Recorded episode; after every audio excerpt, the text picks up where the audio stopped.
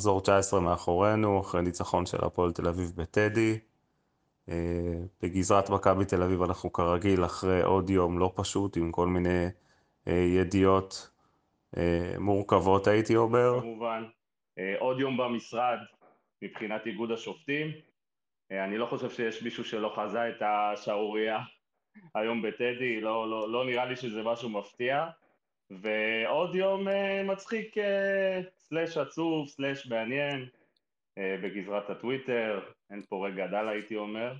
כן. אז נדבר על השופטים כמובן, יהיה לנו גם אייטם על המחירי כרטיסים, משחק השבת נגד ג'קי ואשדוד, אבל נתחיל במכבי, ובחלון העברות שבוא נגיד לא מפתיע אף אחד, רז.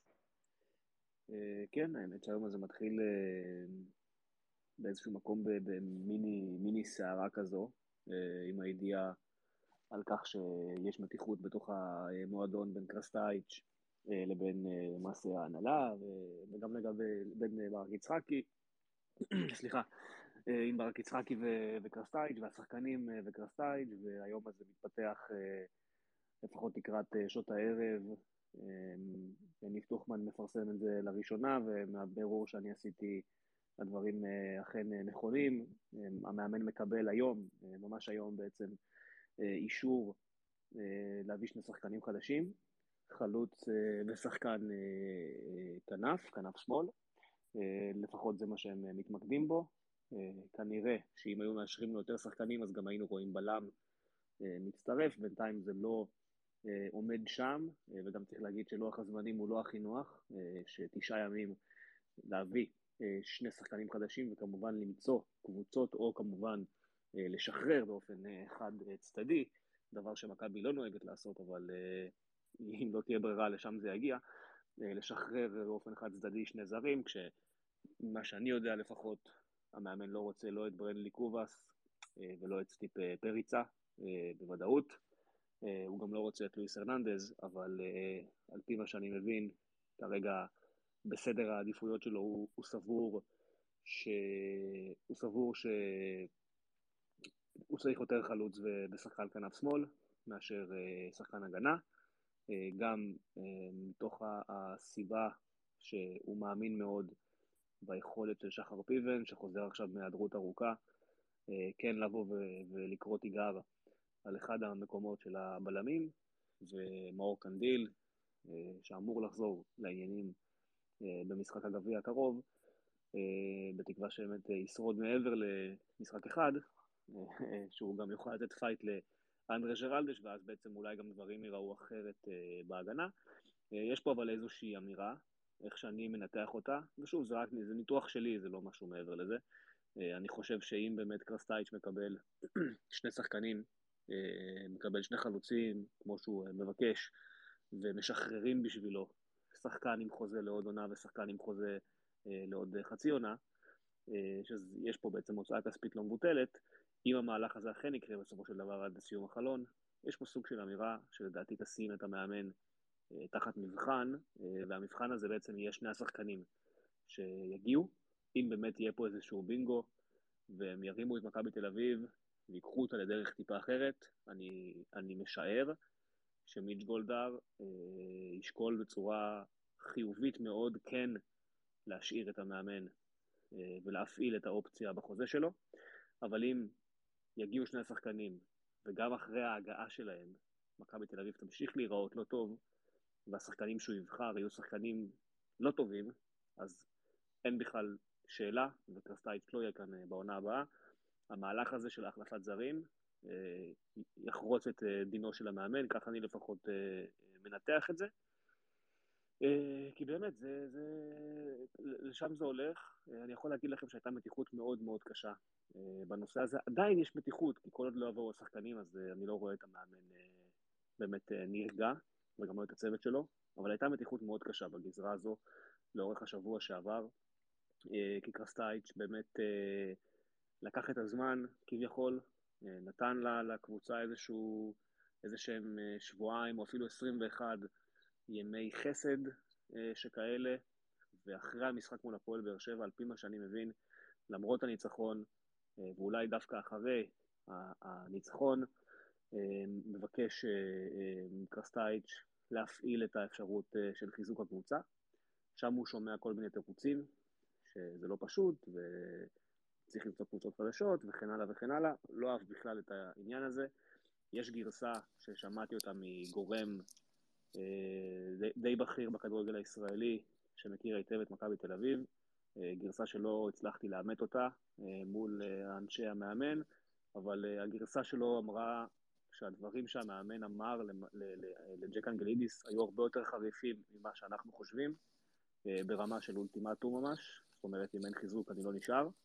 אני לא אתפלא אם זה נכון, לא יפתיע אותי אם זה נכון, אנחנו מכירים מאמנים סרבים, אנחנו זוכרים היטב איך התנהל פה סלאמישה יוקנוביץ', אה, וגם, וגם לאיביץ' היו את הקטעים האלה, צריך להגיד, למרות שהוא קיבל שחקנים בסופו של יום, לפחות בעונה הראשונה שלו, בעונה השנייה הוא, הוא לא קיבל, ואנחנו די, מכירים את ההתנהלות הזו.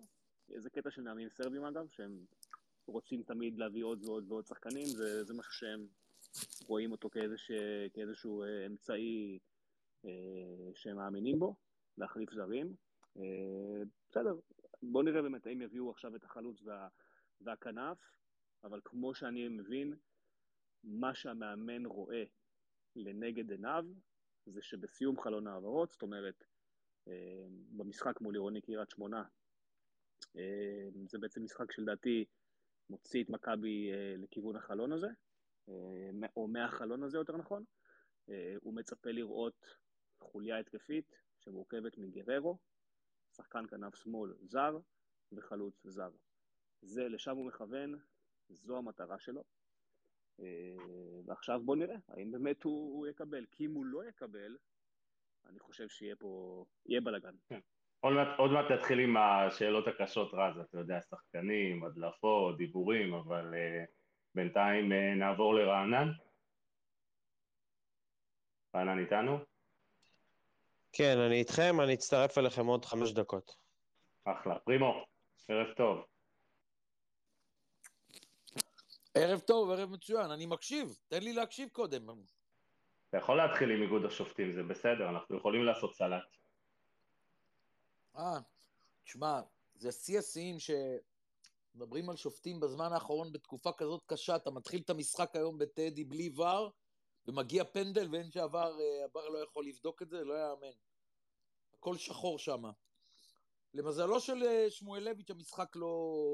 אהבתי את הציוץ שלך על השערוריית השיפוט שתהיה היום בטדי. לא היית רחוק מזה בשלושים שניות הר... הראשונות, אבל uh, המשחק לא הוכרע על ידי שמואלביץ'. אולי, שמה... אולי, אה, פרימו, אולי הבעיה שלנו שאנחנו לא, כאילו, אנחנו מקשרים שערוריות לתוצאה. ואנחנו צריכים להפסיק לעשות את זה, כי מכבי תל אביב אה, קופחה בקריית שמונה וניצחה, אחרי זה קופחה בירושלים בטדי וניצחה, הפועל באר שבע קופחה אתמול וניצחה, אנחנו צריכים להתייחס לשערוריות בערך מוחלט, אתה יודע, בלי קשר לתוצאה. לא, אני, אני לא חושב כמוך. אה, שערוריה היא שערוריה, וטעות שיפוט היא טעות שיפוט, וארז פפיר, כולם באיגוד השופטים אה, אומרים היום שהוא היה שיכור אתמול, אבל כן, בסופו של דבר, אם אתה אומר ש...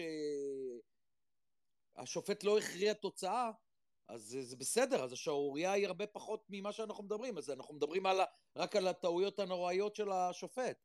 אבל אם קבוצה קופחה ובסוף ניצחה, אז uh, כולם יצאו טוב מה, מהעניין הזה.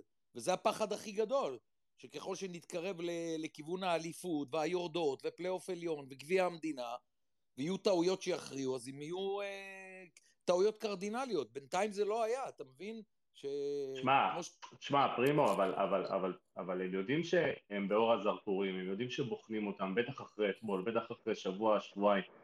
כאילו, המינימום מבחינתם זה לעשות את המיטב, אתה יודע, טעות שופט, בסדר, זה כבר לא בשליטה של, אה, של כל הרונית תירוש וטפר וכאלה, נגיד שזה לא בשליטה, כן? אבל, אבל, אבל להפעיל את העבר, כאילו, לבוא מוכנים ב, ב, בשריקת הפתיחה לעבר, זה כמו עם הדגלים, אותו דבר. לא, לא, תקלה. שיקרו. תקלה טכנית זה לא... אתה מבין, כאילו... רגע, זה המינימום של המינימום, אבל הם יכולים לשלוט בזה, פרימו, אתה יכול דקה, עשר דקות לפני לבדוק, לבדוק שהכל בסדר, לבדוק שהכל תקין, אתה מבין? לא יכול להיות שאתה פותח משחק ופתאום אין ור, זה לא רציני. קודם כל, כשאתה אומר את זה, אז אתה צודק, זאת אומרת, לא רציני, אבל אם הייתה להם אה, תקלה טכנית, ותקלה טכנית זה לא שכחה, לשכוח דגלים זה טמטום, תקלה טכנית זה לא טמטום. אתה יודע, היום אנחנו אה, עובדים על כל מיני קווים טכנולוגיים ו- ואלקטרונים, ומה לעשות, לפעמים נופלים דברים, כן, אבל... אני אשאל אותך שאלה, כמה משחקים באירופה ראית שהתחילו משחק בלי ור? מה אנחנו לא קשורים? מה אנחנו קשורים לא, לאירופה? עזוב, לא אירופה, משחקים בצורה, לא, באופן כולל. אני אשאל שאלה אחרת, גל, אני אשאל שאלה אחרת. אנחנו רואים היום, וראינו את זה לדעתי גם אתמול בבאר שבע, בדיקות ור של 4 דקות, 5 דקות, 6 דקות. מה כזה בער להתחיל את המשחק ב-8 וחצי ולא ב-8.40? היו מחכים 10 דקות, מנסים לתקן את התקלה. מצליחים, תתחיל לשחק, לא מצליחים, מודיעים שאין ור. אבל למה, מה כל כך, מה היה הלחץ לפתוח את המשחק אם שתי דקות וחצי אחרי האירוע הזה, פתאום מודיע צוות השידור שיש ור, שהוא חזר לעבוד. זאת אומרת, בסוף היית ממתין שתיים וחצי דקות ומשחק, עם ור, וכל הדבר הזה היה נמנע. אבל לא, זו, זו ההתנהלות, זה ככה הם נראים, זה בדיוק ככה הם נראים. כן, לגמרי. אה, מיכאל, איתנו? אהלן, ערב טוב, מה שלומכם? אה, בניגוד לאיגוד השופטים, אני היום, אה, קודם כל אני חייב להודות שאני חסום אצל נדב צאנציפר, אז אני לא ראיתי את הדברים בלייב, ראיתי אותם רק ב... וואו, אתה כבר מתחיל עם צאנציפר, אוקיי. כן, אבל... אה, לא, דיברתם על איגוד השופטים, אז אין מה, אני, יש לי איזה משהו קטן, אני אגיד בסוף, אבל... פשוט עכשיו אני גם רואה שצאנציפר הגיב ליוני נמרודי, והגיב לו בכלל במשהו שקשור לאבא שלו. אז בואו שנייה רגע לגבי נדב צאנציפר, שטוען שעיתונות חדשה הפכה להיות העתק הדבק. יש פה אנשים שהם עיתונאים, אז יכול להיות שהם אה, לא יכולים להגיב, אז אני אגיד מה שאני חושב בתור אוהד, ואם יש מישהו שחושב אחרת, אני אשמח אם הוא, אם הוא יחלוק עליי, אבל נדב צנציפר לא הביא ידיעה שקשורה, ידיעה אמיתית שקשורה למכבי בעשר שנים האחרונות. אז אני לא יודע באיזה, מאיזה מקום הוא בא ו, ונותן איזשהו סייגים או הטפות מוסר לגבי עיתונות חדשה, זה אחד. שתיים, אה, הבן אדם הולך ו- ומספר ב- בכל מיני ספייסים שלו, בכל מיני uh, פודקאסטים שהוא עושה בטלוויזיה, שיש להם חשיפה הרבה, יותר גדולה, שהספייס מנהל את מכבי, או רחוב מנהל את מכבי, או לא יודע מה, כל מיני שטויות.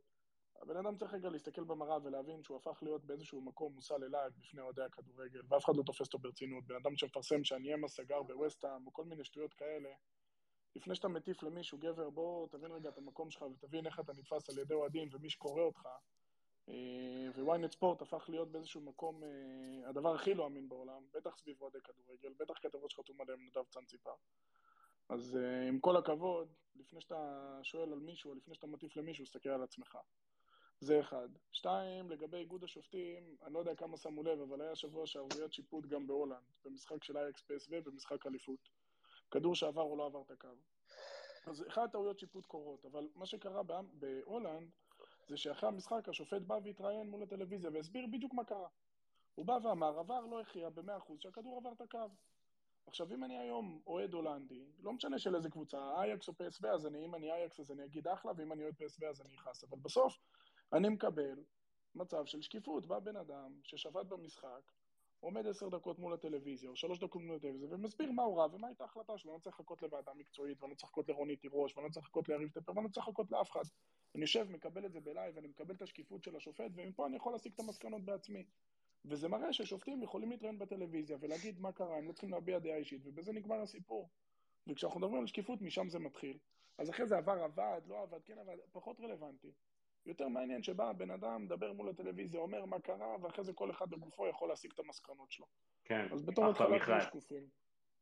אחלה. אה, משהו קטן להוסיף על צאנציפר, אה, התקשורת החדשה שהוא קרא זה כאילו זה עקיצה לכיווננו, לכיוון ה space, שקראנו לכל הקונספט הזה של אה, אוהדים ותקשורת ביחד ב space, תקשורת חדשה, אז העקיצה הזאת לא הגיעה סתם, אוקיי? רק שתדע.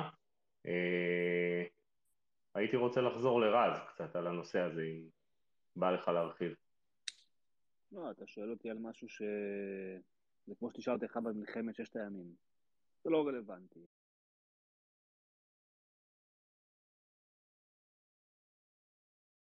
אבל יש תחושה שהוא עושה את העבודה שלו בשביל להגיד, תראו, עשיתי, אה, ואתם לא. ובעיניי זה התנהגות של איש קטן, ואם אה, להאזין לספייסים האלה אה, גורם לכך שהוא אחרי זה מציין אותם ברעיונות בגוף המתחרה, אז א', לדעתי כבר ניצחנו אותו, זה כבר לא רלוונטי, הוא רק ממחיש כמה הוא לא רלוונטי. וכל העקיצות האלה, הביטאון של האולטרס, היחצנים והדוברים, ומחלקות המסרים, ודף, והדף הלבן של עופר רונן, כל השטויות האלה, חבר'ה, זה, זה רמה כל כך נמוכה, באמת, זה, מעל, זה מעליב אותי שאני צריך בכלל להתייחס לשטויות האלה כל פעם מחדש, אבל הוא, הוא באמת יורד ל, ל, למקומות לא, לא טובים, וזהו, זה מה שיש לי להגיד על האיש. אני חושב, אני חושב שמה שקרה היום בטוויטר זה אמירה מאוד מאוד uh, חזקה לגבי צאנציפר, אפילו סוג של uh, תסכול שאנשים הוציאו uh, בעקבות ההתנהגות שלו בחמש באוויר, בציוצים הפרובוקטיביים שלו, uh, בעקיצות שלו, זה, זה בדיוק העיתונאים שאנחנו לא רוצים לראות. וכן, עיתונות חדשה, זה חבר'ה שיושבים פה גם ב space, בין היתר, ומנהלים דיונים פוריים.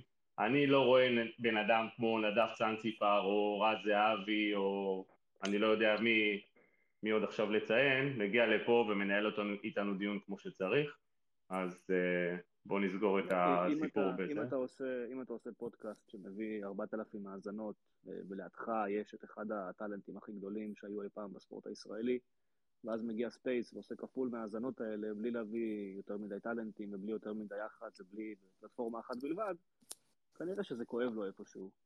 כשיש לו את הערוץ הפצה מהגדולים בארץ. וכנראה שהוא מבין. לא, אז אני, אז, אז אני רוצה רגע שנייה להיות, uh, להגיד משהו מהצד השני דווקא, אני לא בקשר עם צאנציפר הרבה שנים, עבדנו ביחד, אני חייב להגיד.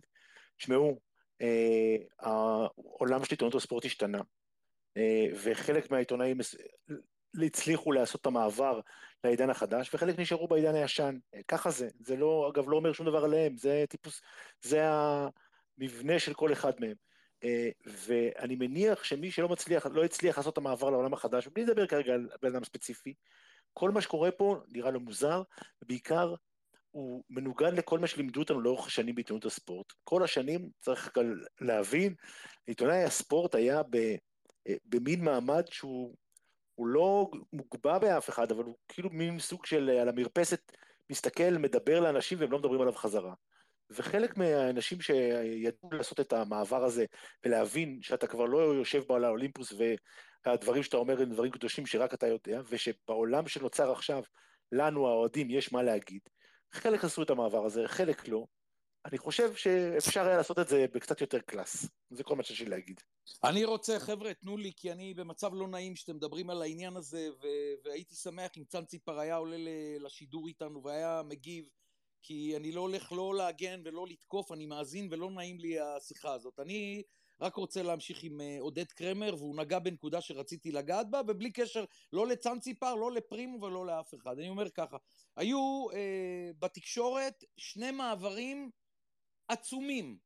אחד, כניסת האינטרנט, כי מה היה עד כניסת האינטרנט? היינו פותחים בוקר, כל בוקר עיתון, ואם, אה, ואם לא עיתון, אז ערב קודם הייתם שומעים רשת ב' את אה, תוכניות הספורט, וזהו, ואין מה לעשות, ורק למחרת עיתון, ולא הייתם מקבלים אונליין, זה המעבר הראשון והמהפך הראשון, והמהפך השני, אני מסכים עם עודד קרמר במאה אחוז. קרמר, היום, בגלל שיש רשתות חברתיות, כל אחד הוא עיתונאי. בן אדם יכול לצייץ, תאר לך מה אני אומר לך, איזה דבר קיצוני. בן אדם היום יכול לצייץ משהו, אתה יודע מה?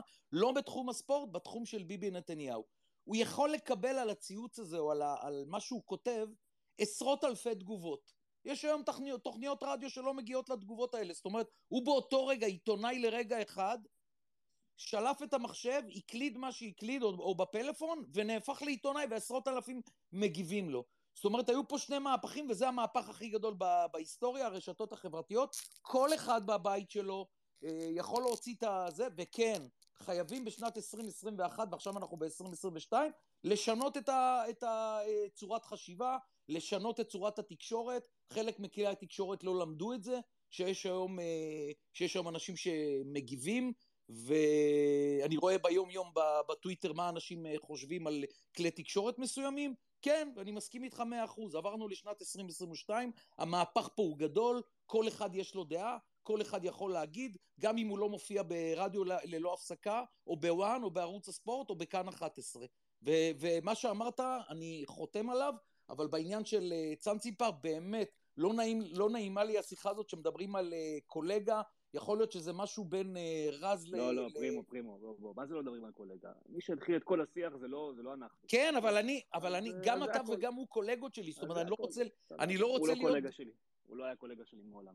קולגה, אני מתכוון לא עניין של אה, חברות, אני מתכוון, אתה עיתונאי והוא עיתונאי, ושניכם מפורסמים. לזה אני מתכוון. אני לא, תש- אני לא, אני לא, אני לא היום פרסמתי כתבה ב-10 בבוקר והתחלתי בסשן ציוצים שבא לטנף עיתונאי אחר שפרסם את אותה הידיעה. זה הכל, זה, זה השורה התחתונה. ומי שעושה דבר כזה היום בעידן של הרשת והטוויטר, יקבל את, מלוא הכוח של הדבר הזה בחזרה. זה, זה, לא, זה לא חד-כיווני. ואני לא חושב שזה מה- מהלך שהוא אפילו קרוב להיות חצי אה, הגון, אה, או, או, או הגיוני אפילו, שבן אדם אה, אה, משתלח בצורה כזו ומפזר עקיצות וירידות אה, כלפי אנשים אחרים שעובדים באותו המקצוע, יחד איתו, רק כי אה, הוא חושב שהוא פרסם משהו לפני מישהו. אה, וזהו, פה, זה, פה אני אסיים. טוב, בוא, בוא, בוא נסיים עם צאנציפר באמת. נראה לי שמיצינו את, את הדיון הזה, זה גם לא שווה יותר מדי. אה, אגב, רענן, זה אה, קצת מזכיר. את, אה, כן. זה רק מזכיר את, אם זה, זה מאוד מזכיר את מנהלת הליגה וציוץ ה-19,000, ה-20,000 עוקבים שלהם. שאפו לכל הצייצנים. מה. הורידו להם, הורידו להם אחרי דקה מאות, לא? מה היה שם? למעלה מ-500. כאילו. אמרו תודה רבה, הגענו ל-20,000, בום, איבדו 500 במקום. זה- רוצה זה- טוויטר. נכון. זה טוויטר, אתה לא יודע. אתה לא יודע איך הדברים שאתה תכתוב יתקבלו, אף פעם. אבל ואגב, יש הבדל, אבל, אבל יש הבדל בין לא, לא, זה- לבין לחסום אנשים ולהגיב לבן אדם על משהו שאבא טוב, שלו עשה. אה, לא. פרי- אה, מיכאל. מיכאל, נראה לי שסיימנו, את- מיצינו את כן. העניין הזה, עודד, עודד, עודד גלש קצת ל- לרוחב, אז אה, זה בסדר. רק בעניין השיפוט שנגעת בו, אני רוצה משפט אחד, כי לא הספקתי להגיד, ולהגיד לך כמה הדבר חמור, כי בשבוע שעבר כשדיברנו עם איתן טבריזי, איתן טבריזי אמר, לא יקרה מצב יותר, כי זה חמור מאוד, לא יקרה מצב יותר, ששופט המשחק לא יקבל את המלצת עבר. וואלכ, אתמול קורא לו VAR, אומר לו פנדל, והוא אחרי שצופה, ופריד אומר לו פנדל, הוא לא נותן. שמע, אה, כבר אין מה להגיד אם הם מקבלים הוראה לקבל את ההמלצה של ה VAR ולא לא לתת אותה, אז אנחנו במצב אה, קיצוני ממש עם השופטים. אני חייב להגיד משהו לנושא ה VAR הזה. אני משדר את הליגה הספרדית והאיטלקית. הפרוטוקול של VAR הוא פרוטוקול עולמי, והוא מאוד ברור. אתה לא מתערב אם אין לך ודאות של 100%. רק במחזור הזה, בכל הקריאות VAR שקיבלנו, לא הייתה ודאות של 100% של אירוע מסוים. אז א', למה אתם קוראים לו בכלל לראות את האירוע? זה, זה, השופטים פה למעשה המציאו פרוטוקול לעצמם, והם עוברים עליו בכל שבוע מחדש. זה כמו שאמרו, אה, כמו, כמו במשחק של אה, אה, באר שבע פתח תקווה, אני חושב, הוא ביטל איזושהי פסיקה על אה, נגיעת יד. זה לא אמור להיות ככה, הוא צריך ללכת לראות על מה הוא מבטל את הפסיקה. אתה לא? מקבל את הדבר הזה של הנגיעת יד, כ...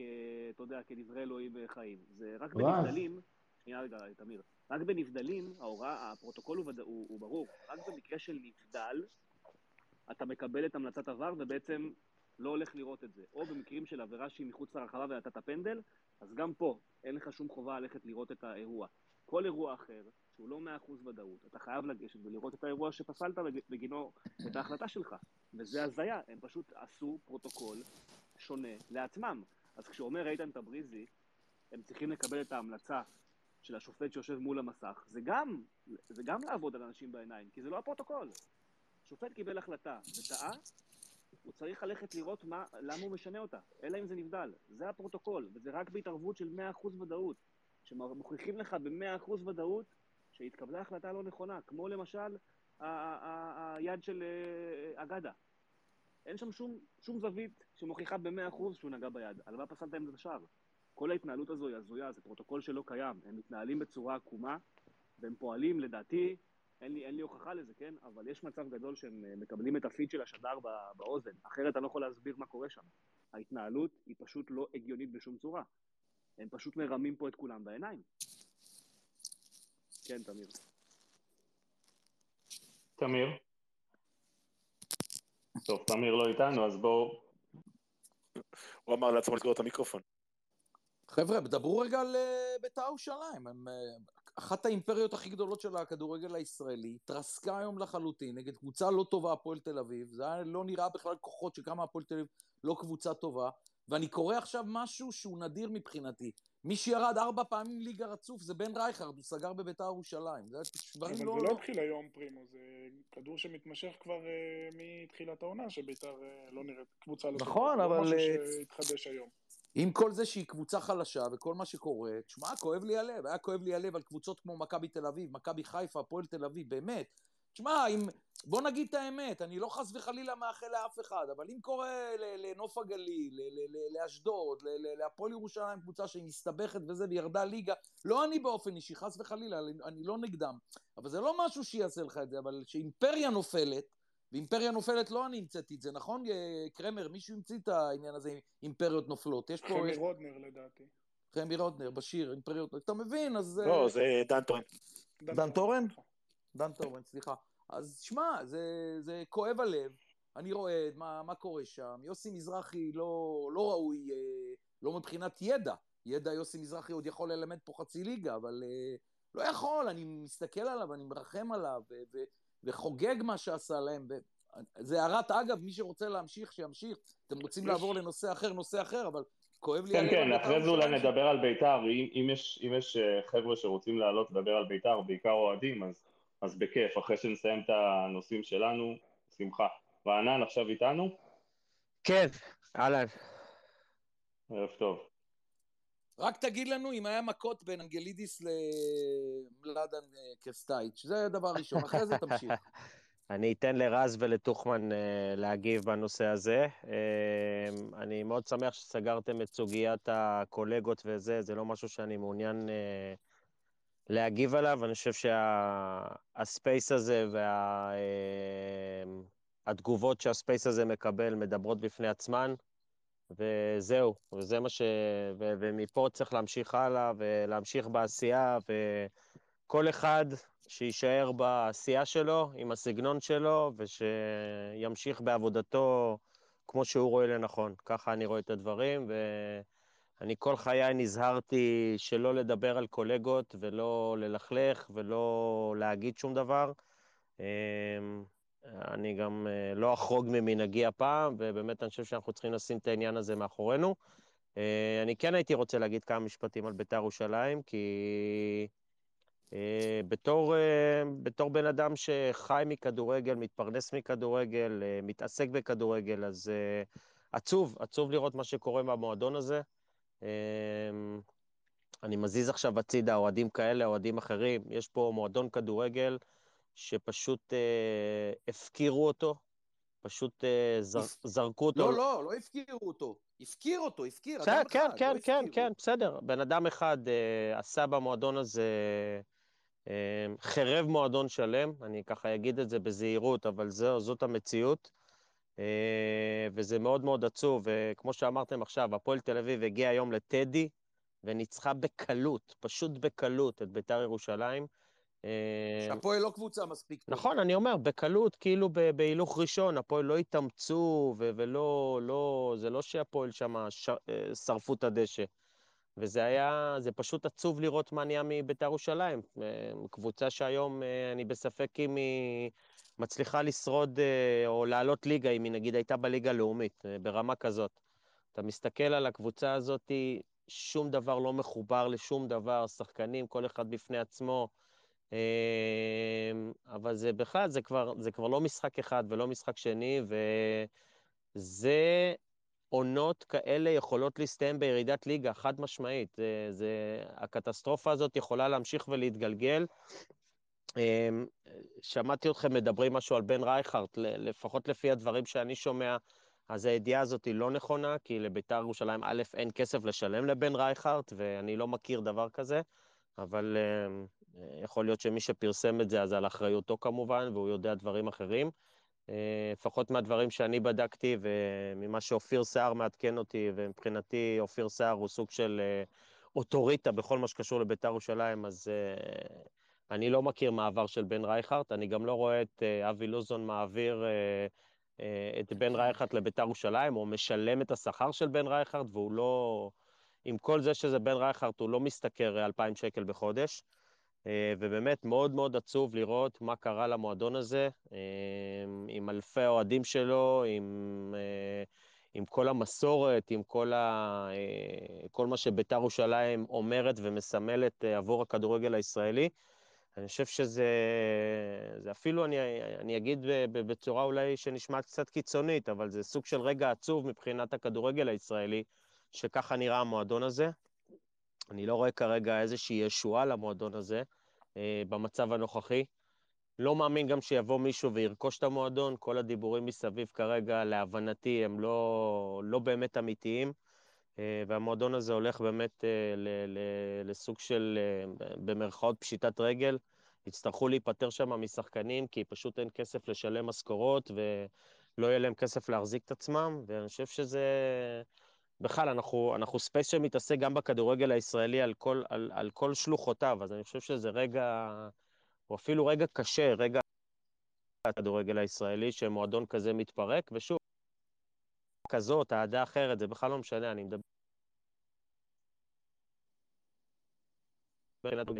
אני מבחינתי, כשראיתי את המשחק היום, זה פשוט...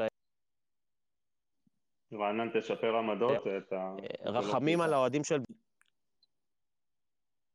כן, זה קשוח הופך להיות.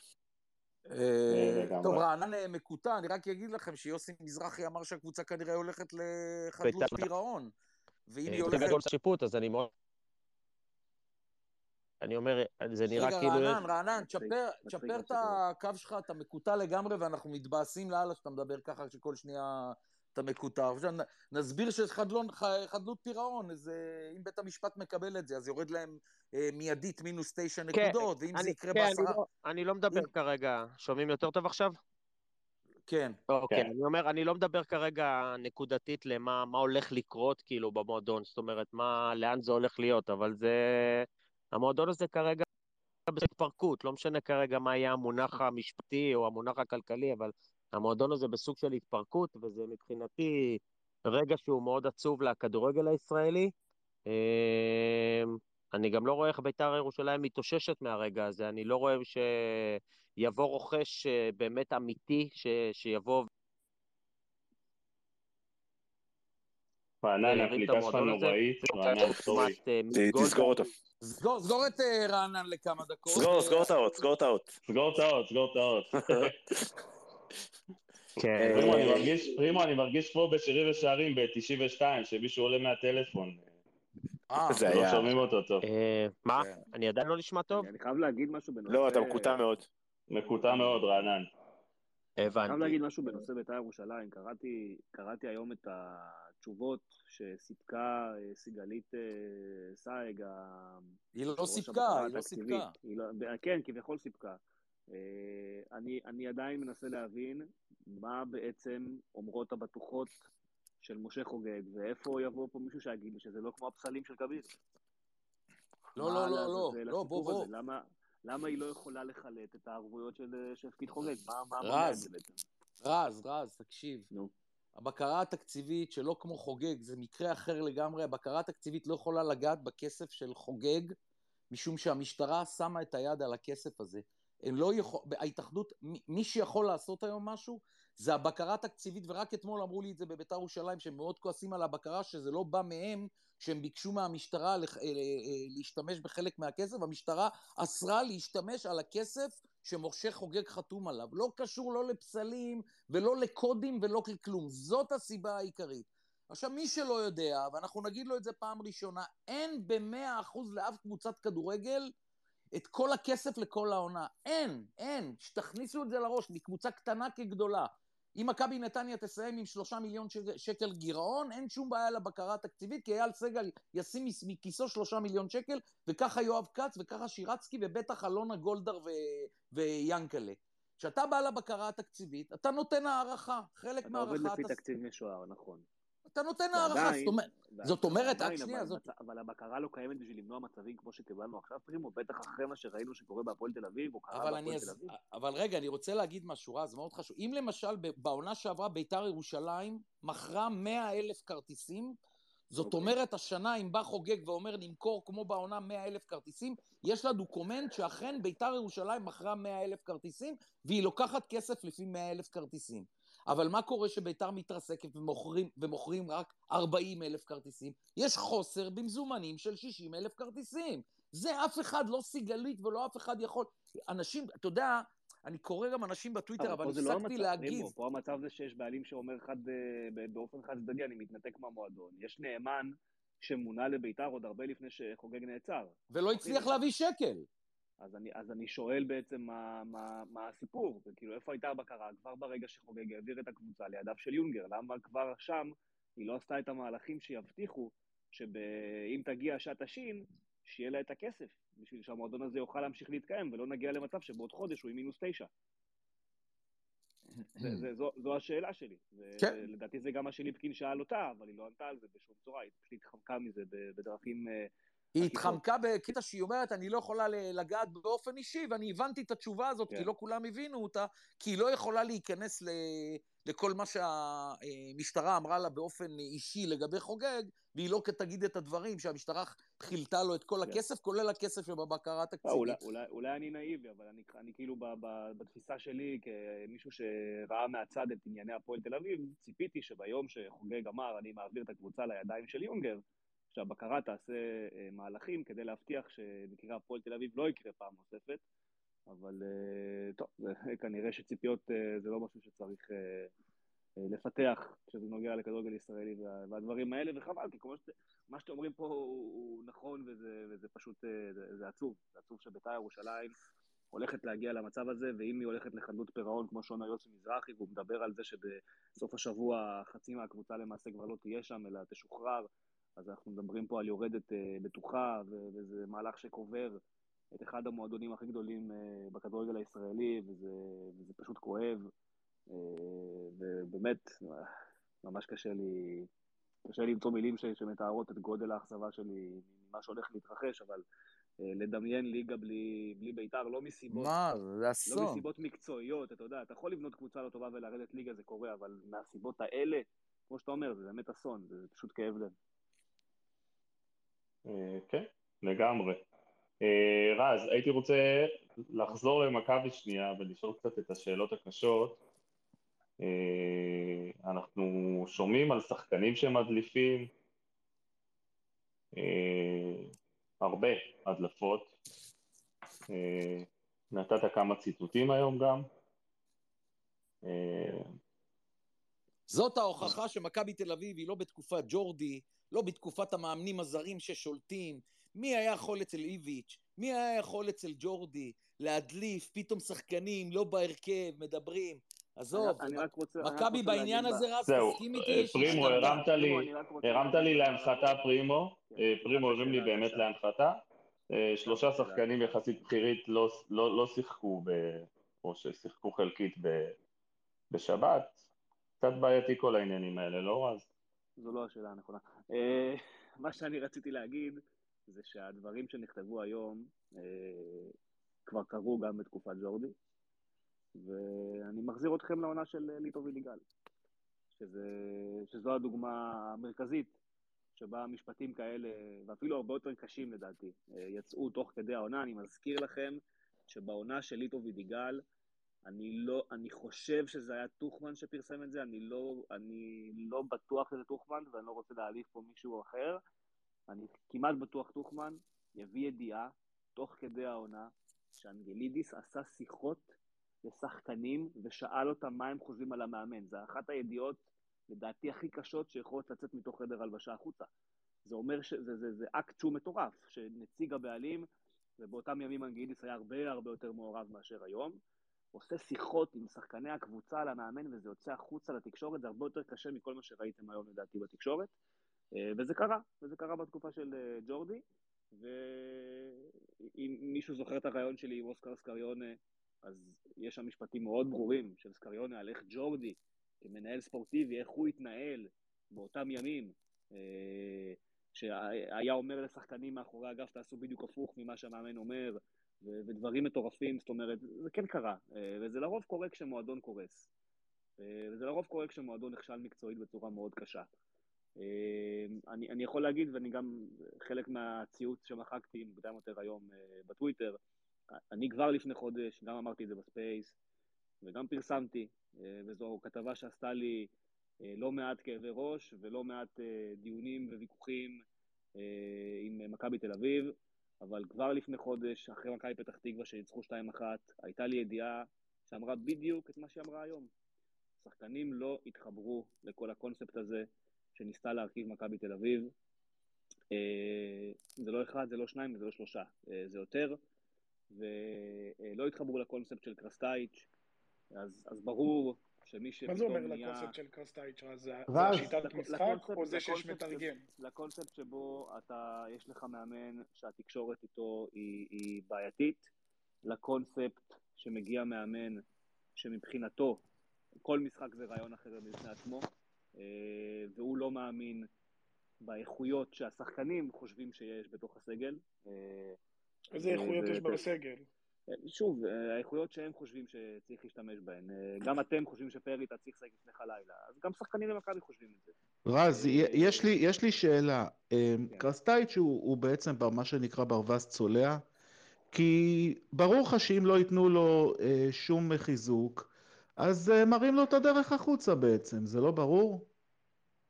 אני, כן, אני מסכים איתך, אבל אני, אני, אני, אמשיך, אני ארחיב לגבי הקונספט. קרה פה משהו ודיברנו על זה כבר בדצמבר, וגם כתבתי את זה כבר בדצמבר. אתה מביא מאמן עם טאג של שישה חודשים, ואז אתה עושה לו חלון שבו הוא לא קיבל עד לרגע זה שום שחקן, אתה משדר כלפי חוץ שאתה לא רוצה את המאמן הזה. וגם אם אתה כן רוצה את המאמן הזה, זה לא המסר שעובר הלאה. עכשיו, אני יכול להגיד לכם שהמקרה נגד מכבי נתניה הוא באמת חריג. כי בפתח תקווה מכבי תקווה ניצחה, ואתה יכול להבין למה מאמן עושה מהפכה אחרי משחקים גרועים. זאת אומרת, היה אפשר להבין את הרעיונות. היה אפשר גם להבין את הרעיונות במשחקים שבאו אחר כך. ועובדתית, נגד באר שבע ונגד הפועל ירושלים, כשהוא חזר לשחק במערך שטיפה יותר מתאים לקבוצה הזו, אז, אז ראו דברים טיפה יותר טובים נגד מכבי תל אביב, וגם נגד קריית שמונה בגביע. אבל עדיין, את, ההגעה הזו נגד נתניה, ואני יכול להגיד לכם מה שאמר לי אחד השחקנים אה, בקבוצה, כשהם ראו את ההרכב, כשהוא אה, אה, רשם להם את ההרכב לפני המשחק, הם מתארים ירידת ביטחון מיידית של כל הקבוצה, זאת אומרת, השחקנים עצמם לא האמינו בהרכב הזה שעולה לשחק נגד מכבי נתניה. והסיבות הן מובנות. רז, אבל בוא לא נשכח שגם סוזה פתח עם אה, טל בן חיים חלוץ בגביע באשדוד והפסיד, ואפילו הוציא את זהבי אתם- אבל אתם במוקדמות, נותנים לי דוגמאות שלא... אבל מיכאל, הדוגמאות האלה זה כבר. היסטוריה שהיא לא לא- זה לא לא רלוונטית. היסטוריה, יש מאמנים, מאוד שנייה, היסטוריה, יש זה מאמנים, יש 2013. מאמנים שפישלו, יש מאמנים שפישלו בהרכבים במכבי, ואחרי זה יצאו לסדרת ניצחונות. אני חושב שכרגע בסיטואציה אבל שנוצרה זה לא נכון, מיכאל, זה אוטוריטות. אתה אתה- אתה- אתה מדבר מה איתי על אוטוריטות? אוטוריטות, סוזה אתה היה מדבר פה- איתי... סוזה היה פה חודש, סוזה היה פה חודש, סוזה את הוא זהבי. דח נגד אה, אשדוד אחרי חודש בגביע, מיכאל. לא, זה היה ב- סוזה- היה פה- חודש בישראל. נגד גיאור, הוציא את זהבי, דקה 70. אותו זהבי זה לא שהפך אותו למלך זה העולם. זה היה נגד באזל או נגד גיאור לדעתי. אה, בכל מקרה... זה באזל, לא- באזל. לא- נכון, נגד, נכון, נגד באזל, סליחה. הכניס אוקיי, את נכון, מרגוליס. אבל יש... הכניס את אבל מרגוליס, נכון. זה מה שאני אומר. יש הבדל עצום בין לעשות טעות אחת שקורית לך מכך שאתה בתקופת ההכנה שלך ואתה עדיין לא מכיר את השחקנים, לבין התנהלות יומיומית, הוא לא בתקופת הכנה, הבן אדם לבין חודש פה. התנהלות, אבל יש פה התנהלות יומיומית, יש אימונים, שחקנים רואים את האימונים, חלק זוכרים איך, איך איזה אימונים היו להם בעבר, חלק מכירים דברים ממאמנים אחרים, יש התנהלות יומיומית. בסוף, בסופו של יום, המאמן לא התחבר לשחקנים. אה, אני רואה שמטיס מצייץ לי שגם לאיביץ' הם לא התחברו. זה נכון, אבל איביץ' כן ידע להפוך את זה. איביץ' כן ידע להפוך את זה. תראה, אני- אה, אני אגיד לך- אני אגיד לך זה, להפוך את זה. אני- קרסטייץ' לא הגיע במומנטום, או במצב שבו יש לו את האפשרות בכלל להפוך את הסיטואציה. ולכן הוא, בעמדה אחרת לגמרי. אני אין לי מושג, אני לא אומר אני שכל לא מבסס את זה על ה-25 כלום. שחקנים בקריית שלום, אני לא אומר שכל ה-25 שחקנים בקריית שלום חושבים את מה שכתבתי היום, אבל לא מעט מהם כן. אה, אני- וזו אני בעיה. אני חושב שהשחקנים, אני חושב שהיום השחקנים במכבי תל אביב צריכים להוריד את הראש ולסתום את הפה, כי רוב, רוב התקלות קורות מהם, מאיך שהם נראים ומאיך שהם משחקים, וזה לא משנה מי יביאו לקווים, אם זה יבוא גוארדיולה או, או קלופ, או שיבוא ברק בכר לאמן את מכבי תל אביב. אה, קרסטייץ' קיבל חדר הלבשה שהוא לא בריא, אי אפשר בחודש אחד לעשות את, אה, לנצח את הכל, ועוד עם העובדה שאין לו רכש ושחקנים שהוא לרגע לא לא בונה אומר עליהם. אחרת, מיכאל. אני רגע לרגע לא לא אומר. רגע, אחרת. רגע, אני רז, לא חושב שנייה, לרגע שנייה, שאתה אבל שאתה יש טועה. לא אומר שאתה טועה. לא- הבעיה היא לא קרסטייץ' בשום שלב. אין ספק, אנחנו מסכימים פה על הדבר הזה. הבעיה היא לא המאמן. אז שהשחקנים, אז שהשחקנים יסתמו את הפה, יעשו את העבודה שלהם, יקרו את התחת באימונים, בינתיים עם איך שהם נראים, הם לא יכולים לבוא אבל זה, בטענות אבל לאף זה אחד. לא המצב, מיכאל. אתה לא יכול לנתק, אתה לא יכול לנתק שחקנים, א', מהתחושה שיש להם כמי שנושאים לא מעט מה, מהאשמה על מה שקורה, אתה לא יכול לנתק את זה מהם, הם חווים את זה פי 80 לדעתי ממה, ש... ממה שאתה חווה את זה ביום-יום. ובסופו של דבר, אתה יודע, ברגע שמאמן הולך, ורענן אמר את זה ב space אחרי המשחק, המאמן יצא לסינקים של אתר רשמי. חבר'ה, תשימו לב מה אני אומר לכם. לסינקים של אתר רשמי. זה כמו גיאורגיוס דוניס אחרי ויאריאל. אתה עומד מול מיקרופון של אתר רשמי, ואתה מדבר בצורה לא טובה על שחקנים שלך. אתה עושה לעצמך נזק שאתה לא יכול לעשות כמאמן. יש לזה, יש לזה משמעות. כשסינק כזה עולה באתר רשמי של המועדון, מהמאמן, שהוא אומר, שחקנים עלו לקר הדשא בבלומפילד כאילו זו הפעם הראשונה שלהם באיצטדיון, עם איך אתה לא עושה דבר נראה, כזה. אבל הוא לא טועה במה אתה לא מכבס לא כניסה, אתה לא עושה את זה. אתה לא עושה את זה באתר רשמי, מיכאל. לא אתה משנה, אתה לא עושה את זה באתר רשמי. אבל תקשיב, עם איך אתה לא עושה ששחקנים את זה נראו... באתר רשמי. זה שאתה חושב. ככה כאוהד, מאמן לא יכול להגיד דברים שאוהדים חושבים. אז ככה אני רואה את רז, זה לפחות. אז, זה מה שאני אומר, או. שהוא יודע, או שהוא יודע שהוא לא נשאר, או שהוא יודע שהרבה שחקנים לא יישארו. אחת לא משתיים. שהוא לא או שהוא לא סופר אתן לך- אותה ממטר, והוא אומר את מה יכול ש- מה להיות, שהוא בסדר חושב. גמור. אבל- גם בסדר, וזה זכותו. אוקיי, אבל למטבע הזה יש שני צדדים, אז אתה לא יכול להגיד רק את הצד של המאמן, אין מה לעשות. ואני אני אגיד לך יותר מזה, מיכאל. בשבוע שעבר, קרסטייץ' עשה שיחות עם מספר שחקנים בקבוצה, שבמהלך השיחות האלה, הוא אמר לכל אחד מהם, אתה השחקן המוביל שלי, אתה אחד המנהיגים שלי, אני בונה עליך, אני פה, אתה שם, אתה זה, דברים שגם עשה וידיגל, והלכה למעשה זה לא בא לידי ביטוי על הדשא. ואתה לא יכול לעשות שיחות כאלה לשחקנים, ואז יומיים אחרי זה, לעשות דברים הפוכים לגמרי בזמן המשחק עצמו. השחקנים מדברים אה, אחד עם השני, הם מבינים מתי מסבנים אותם, ופה יש בעיה. ובגלל זה אני אומר, המאמן לא הצליח? להתחבר. המאמן לא הצליח להתחבר לשחקנים. רז, אני רוצה להוסיף על זה. יש פה בעייתיות. רז, אני רוצה להוסיף על זה משהו בעניין הזה. קודם כל, אה, אה, אני מסכים שמאמן, אה, גם אם הוא חושב ככה, הוא לא צריך להגיד דברים כאלה באתר רשמי, כי הוא יורה לעצמו ברגל. ושחקנים, בכל קבוצה, בכל מועדון, כשהסיטואציה בקבוצה היא לא טובה, שחקנים מריחים דם. מה זה מריחים דם? הם מריחים שהמאמן לא שולט בקבוצה, ואז הם יודעים שלפחות חלקם חושב ככה, שאי אפשר להוציא 20 שחקנים מחדר ההלבשה, ומי שישלם מחיר שוב, זה שוב המאמן. ולכן, אני חושב שהמאמן צריך לעשות דברים בחוכמה, בטח בסיטואציה המאוד מאוד מסובכת שהוא הגיע אליה כרגע. ואני אני, אני, אה, לא, לא, לא מתייחס עכשיו להרכב כזה או הרכב אחר, טעה נקודתית. אה, אני, שוב, אני חלילה לא אה, חולק על מה שרז אמר, אני רק אומר שהעניין הוא הרבה יותר גדול פה. העניין הוא הרבה יותר גדול, וזה זה מין כדור שלג שמתגלגל במועדון הזה כבר שנתיים. Uh, עכשיו זה, ההתפרקות היא, היא, היא, היא, היא תוצר של שנתיים, לא, לא של חודש אחד של קרסטייט שהגיע. כי, ומי שהזכיר פה את איביץ' קודם, אז לאיביץ' היה קלף אחד. אני, טוב, אני רוצה, אה, רגע, אני רוצה לשאול משהו את רז, אה, נשגב מבינתי משהו שהוא אמר ולא לא מתחבר לי. מה זאת אומרת אתה לא אומר את זה לאתר רשמי? זאת אומרת, מה ההבדל בין להגיד לאתר רשמי או להגיד לערוץ הספורט? לא הבנתי את הקטע. מה, יותר... אה, מה ההבדל? לא, שעופר לא רונן ראיין את. בן- בן רייכרד לא, ונתן לא. לו את השאלות אף אחד ואת לא התשובות. שאל זה- אותו את זה. פרימו, פרימו, אף אחד לא שאל אותו את השאלה הזו, הוא הביא את זה מעצמו. אם אני הייתי? עומד, אז לא, מה? אם אני הייתי עומד אחרי משחק, פרימו, ואומר למאמן, מה אתה חושב על כך וכך וכך וכך ואיך שהם נראו היום בבלומפילד, ואז הוא היה עונה את התשובה הזו, אז אתה יכול להגיד, הוא נפל פה למלכודת של עיתונאי, אוקיי? כשאתה אומר את זה פה כמאמן, לאתר רשמי, מול דובר, ושואל אותך שאלה על, על התחושות אחרי המשחק, וזה מה שאתה מוציא את זה החוצה, יש עם זה בעייתיות, יכול להיות שגם אין שום בעייתיות, הבן- הבן יש אדם... ח- יש- רגע, רז, אתר רשמי, יש הבדל, יש הבדל, אבל אני אגיד לך, אבל אני אגיד לך מה אני חושב. אני, אני גם אומר לך מה השחקנים אומרים, זה פגע בהם בצורה מאוד מאוד אני חושב לא- לא- לא שאנחנו. עושים להם יותר מדי הנחות לשחקנים. רגע, עזוב רגע את הס... לאף שנייה, שנייה רגע, לא מיכאל. אני אומר, המאמן הוא לא הסיפור פה בכלל, חבר'ה, אתם צריכים להבין, המאמן הוא לא הסיפור, וזה ששחקנים לא התחברו אליו זה גם לא הסיפור. העניין זה איך שמכבי תל אביב ביצעה את כל המינוי הזה, איך שקרה כל תהליך המינוי של קרסטייץ', כל מה שקורה מהיום שבו נפתח חלון העברות, אתה מייצר פה סיטואציה, ואמרנו את זה לא מעט פעמים, שאתה אתה בונה פה מצב שלמאמן אין שום סיכוי להצליח עם הקבוצה הזו. לא משנה מה הוא יעשה, נו. ומה הרעיונות שלו, אז עכשיו נתת את התשובה. הוא יעלה. עכשיו אין לו נתת שום את סיכוי התשובה. להצליח, הבעיה היא הרבה יותר גדולה, ואני יכול להגיד לכם שגם בתוך הצוות הסרבי יש לא מעט אה, חוסר שביעות רצון מברק יצחקי ומההתנהלות של המועדון, וזו הבעיה המרכזית. זה הכל בסוף חוזר כן. לברק יצחקי. הוא ראש המערכת. זה לא משנה עכשיו אם שחקן אחד אומר ככה ושחקן שני יגיד אחרת, זה לא הסיפור. אה, בסוף שחקנים, תמיד יהיה להם מה להגיד, לטוב ולרע. העניין זה איך אתה מנהל את זה, וזה לא מנוהל. אין פה שום ניהול של כן. אירוע. אה, רגע, אה, רגע, רז, רז, רגע, שנייה. פרימוש, רק שנייה, אני פרימו- רק רוצה להגיד כן. משהו על משהו שאמרתי ודילגתם. שנייה, בשמחה, רז. בשמחה, בשמחה. רז, אני רוצה להגיד לך, כי כמו שאני רואה את הדברים, אם קרסטייץ' רצה לזעזע את כל המערכת ולהגיד להם עד כאן ליגה א', נמאס לי, אז אמר את זה לאתר הרשמי. אז תגיד את זה מבסוט, לשחק- אני מבסוט ממנו. לאללה במה שהוא עשה. לשחק- אז תגיד לשחקנים באספה. תשאיר את הדברים בתוך הבית שלך, או שאל תתפלא שאחרי הדברים יוצאים החוצה, בצורה שהם יצאו. זה מה שאני אומר. אם יש לך אוקיי. מה להגיד בצורה כל כך בוטה כלפי שחקנים, תפוס אותם אחרי המשחק.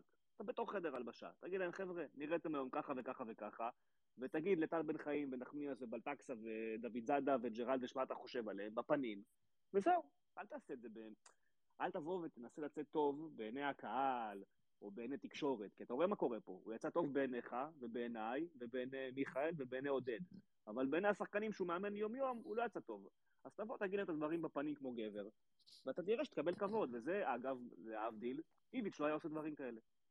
איביץ', אם היה אומר משהו לתקשורת, אני חותם לך במאה אחוז, מיליארד אחוז, שדקה לפני הוא אמר את אותו המשפט לשחקן שהוא כעס עליו. אין שום תיאוריה בעולם שאיביץ' היה יוצא, קודם כל, מלכלך על שחקנים, ואז הולך ועושה איתם שיחות. וזה אני אומר, זה הדברים הקטנים שאתה אתה, אתה לא יכול ליפול בהם כמאמן כדורגל. לא, איביץ' איביץ' לקח. הכל עליו, כל הזמן. ו- כן. ונכון, חבר'ה- דוניס נפל בזה, ואיביץ' לא נפל בזה. חבר'ה, אה, אני, אני, אני ברשותכם, אני חייב לנצל את הפורום הזה של כמעט אה, 500 מאזינים. אני רוצה טיפה לסטות מהנושא לטובת אה, מחירי כרטיסים באשדוד, ואז אנחנו, ואז אנחנו נחזור, כי מאיה נמצאת איתנו וכבר אה, צריכה לזוז איך שאומרים מאיה מור יוסף באחים לסמל, והייתי רוצה להעלות את, ה, את כל הנושא הזה שאנחנו מדברים עליו כבר כמה שבועות ב space, שזה מכירת כרטיסים בין היתר, כן? בין היתר לשידורי המשחקים ושעות, יש גם אה, את uh, מחירי הכרטיסים, ובדיוק השבוע אנחנו נופלים על uh, משחק באשדוד עם מחיר של 95 שקלים לכרטיס, שזה מחיר מקומם. מאיה, כן, שומעים אותי?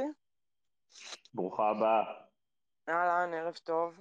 לילה טוב, אה, איך שאומרים. לילה טוב. אה, אז אני פה בעצם בשם אה, אחים לסמל, וכדי לדבר על, אה, על הצהרה הקבועה של, שנקראת ג'קי בן זקן, לפחות בעיניי. כל פעם מחדש הוא מאתגר אותנו, כמו עוד הרבה מבעלי מועדונים פה בליגת העל. מה שקרה בעצם זה שפנינו היום למכבי תל אביב בשביל להבין ולדעת כמה הולך לעלות כרטיס למשחק בשבת, וגילינו שהמחיר הולך להיות אה, 45.90 לפני עמלות, שזה מאוד, לפחות בעינינו, לפחות, זה ממש יקר, בטח לאיצטדיון כמו אשדוד. אה, מזכירה לכם, המשחק היה אמור, כאילו, המשחק אה, מתקיים בשעה חמש וחצי יום שבת, אחרי ששיווענו והתחננו למשחקים בשבתות בשביל המשפחות, בשביל הדור הבא. אה, ו- וזה המחירים, זה המחיר שהוא החליט, יצרנו קשר עם הארגון, עם פנאטיקס, החלטנו ביחד להחרים את המשחק, ביקשנו שוב פעם ממכבי לא למשוך את הכרטיסים ושלא ייתנו על זה ניקוד חוץ, בינתיים אנחנו מחכים לתשובה. אה, כן חשוב לי כמה דברים אה, להדגיש כאן, כל משחק באשדוד בעצם זה מה שקורה. זה לה- להבדיל מקבוצות אחרות, קבוצות גדולות יחסית שכן היו באשדוד, ושילמו מחירים הרבה יותר נמוכים משלנו, ובדקנו את זה. וזה תמיד, ממש תמיד חוזר על עצמו עם מכבי תל אביב, עם ג'קי בן זקן, עם מ"ס אשדוד. זה, זה קורה כאילו קבוע. אה, בנוסף, אה, גילינו גם שיש הגבלה, אה, רק אה, 300 כרטיסים מתוך איקס כרטיסים שהם תכננו למכור, מיועדים לנוער. ושוב פעם אני חוזרת לקטע של שבת, משפחות, ילדים, הדור הבא. זאת אומרת שרק 300 מוקצים לטובת נוער, שזה עוד יותר מבאס, כי זה עוד יותר לשנוא כדורגל ואוהדים. אה, ועוד משהו שלי לפחות באופן חשוב, שאני מכירה גם בתור אוהדת וגם מאחים לסמל, זה שג'קי בעצם כל הזמן מדבר על זה שהוא רוצה הדדיות, והוא תמיד דואג לטובת האוהדים של הקבוצה שלו. אני רק מזכירה לג'קי וגם לאוהדים של הקבוצה שלו, שבבלומפילד הם שילמו 60 שקלים, ובעצם אין פה הדדיות. למרות שהוא קיבל מכתב וניסינו לפנות אליו, כן להגיע להסכם הדדיות, וזה פחות עובד, במיוחד איתו. אה, ואני באמת אה, מצפה, ואנחנו כולנו, גם באחים לסמל, גם הארגון, קוראים, אל תגיעו למשחק הזה, אל תיתנו לזה יד, באמת, די.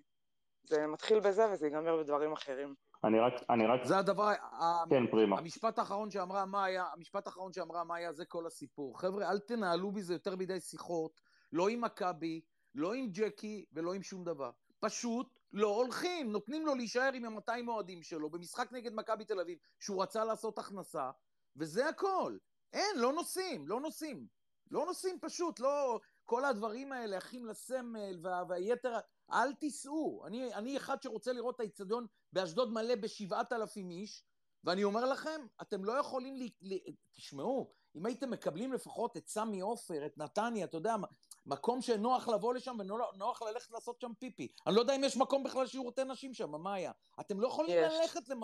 יש, אתם לא, לא יכולים ללכת למגרש כזה עלוב, מול קבוצה עם 200 אוהדים, שרוצה לעשות עליכם הכנסה, וכאן צריכה להיות השורה התחתונה. אוהדי מכבי תל אביב כולם, תתאחדו, לא נוסעים. וזאת סיבה שהאוהדים יתאחדו, ביח... גם אחים לסמל, גם הארגון, אנחנו קוראים מפה באמת לכל האוהדים לא להגיע למשחק הזה. פשוט לא להגיע. אין, אני... האיחוד קיים, אנחנו פשוט קוראים לכולם לא להגיע. אני רק מזכיר שלפני שבועיים נדמה לי שיחקנו במושבה ואבי לוזון לקח 71 שקלים על כרטיס, זה אומר שאפשר לקחת מחירים סבירים, 70 שקלים זה מחיר סביר. מה שג'קי עושה, גם, גם בנוגע לכרטיסי נוער, ילדים, לא יודע איך לקרוא לזה, זה אומר ש-300 זה, זה למעשה אפס, כן? ואם עכשיו אבא רוצה לקחת את שני הילדים שלו, הוא צריך להיפרד מ-300 שקלים, עוד לפני שהוא התחיל לאכול או לשתות משהו באיצטדיון. אז uh, הגיע הזמן שבאמת גם, גם אוהדי מכבי תל אביב uh, יתאחדו, כמו שאוהדי מכבי חיפה יודעים לעשות את, ה, את מה שצריך uh, בחדרה ובנוף הגליל, אז גם הגיע הזמן שאנחנו נתאחד ונפסיק להיות פראיירים, ופשוט לא להגיע למשחק. אנחנו כבר שנים, אנחנו כבר שנים מוחים על מחירי כרטיסים, והחמנו גם כרטיסים בעונה שמכבי תל אביב רצה עם ביתר ראש בראש, שהייתה מקום שני עם אלי כהן, עד הרגע האחרון לא לקחנו את הכרטיסים, רק ביום המשחק לקחנו את הכרטיסים. זה לא שחיפה עשו פה משהו אה, ראש... אה, ראשוני בהיבט הזה. לא אמרתי שחיפה עשו משהו ראשוני, אבל העונה לא, לא, הזאת הם עשו את זה כמה וכמה פעמים, ואנחנו גם צריכים לעשות את זה, יש לנו כוח. אנחנו עושים את זה, קודם כל הפנאטיקס והאחים לסמל עושים את זה תקופה, וכל משחק שחורג מהמוסכמות עושים את זה. יש פה עניין אחר, ג'קי בן זקן באופן קבוע, כשאוהדי מכבי מגיעים, הוא רואה אותנו בנק. לא משנה מה הסיכומים ומה אתה עושה איתו ומה אתה מסכם איתו וכמה אתה גובה לאוהדי אשדוד, בסוף מכבי תל אביב באה לאשדוד, והוא רואה אותנו בנק, והוא כל פעם אה, אה, לוקח מחדש. עכשיו, אתה יכול לבוא או לא לבוא, והוא מבחינתו במשחק הבא ימשיך לקחת את ה-90 שקל האלה, ויבואו לו 50 ו-100 אוהדים, אולי אחרי 5-6 פעמים הוא יתאושש. אבל מישהו צריך, ועוד פעם זה חוזר לדיבור על המנהלת, מישהו צריך רגע להבין את גודל הבעיה שבא בן אדם, גובה 90 שקל לכרטיס ביום שבת בשעה 5, ואיך נראה המוצר, שתבוא המצלמה, תצלם את היציאה, עמרי אפק יגיד עוד פעם איזה שטות על זה שאוהדים מגיעים או לא מגיעים בגלל שטויות, אם השדרן או הפרשן יהיו מספיק אה, אה, מקצועיים אז הם יתייחסו לעובדה הזאת, ואולי יעשו על זה אייטם ואולי ידברו על זה, אבל בתכלס, אם לא תהיה פה עבודה אמיתית של בעלי הקבוצות והמינהלת, ומישהו ייקח את הנושא הזה לעומק ויקח על זה אחריות, אז ימשיך לראות כן. ככה. ה... כל פעם שיבוא איזה בעל קבוצה ויחשוב שיש אוהדים והם בנק, אז כן, ככה. את המסר, את, את המסר... כן, זה עובדתית קורה שנה אחרי כן, שנה. מיכאל, את המסר לשבת העברנו, כאילו, את כל האג'נדה וכל האסטרטגיה זה סבבה, אבל את המסר ליום שבת העברנו, כאילו, אנחנו לא נרכוש את הכרטיסים עד שהוא לא יוריד במחיר. אה, מאיה, יש לך עוד משהו להוסיף?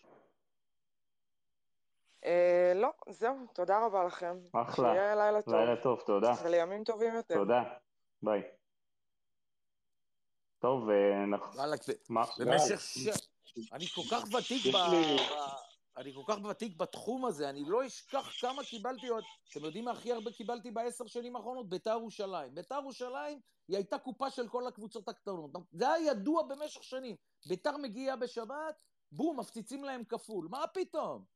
וואנה, היום אתם כוחות, מכבי תל אביב, בית"ר ירושלים, הפועל תל אביב, חיפה, כוחות של אלפים, לא באים. זה, תראה, הפועל חדרה לא יכולה לאיים שהיא לא באה, אז תבואו, לא תבואו, זה אותו דבר. אתם כוח, אל תלכו, לא אתם, לא בית"ר, לא הפועל תל אביב, לא הולכים גם... בואנה, הפועל תל אביב מכרה היום 4,000 כרטיסים בטדי.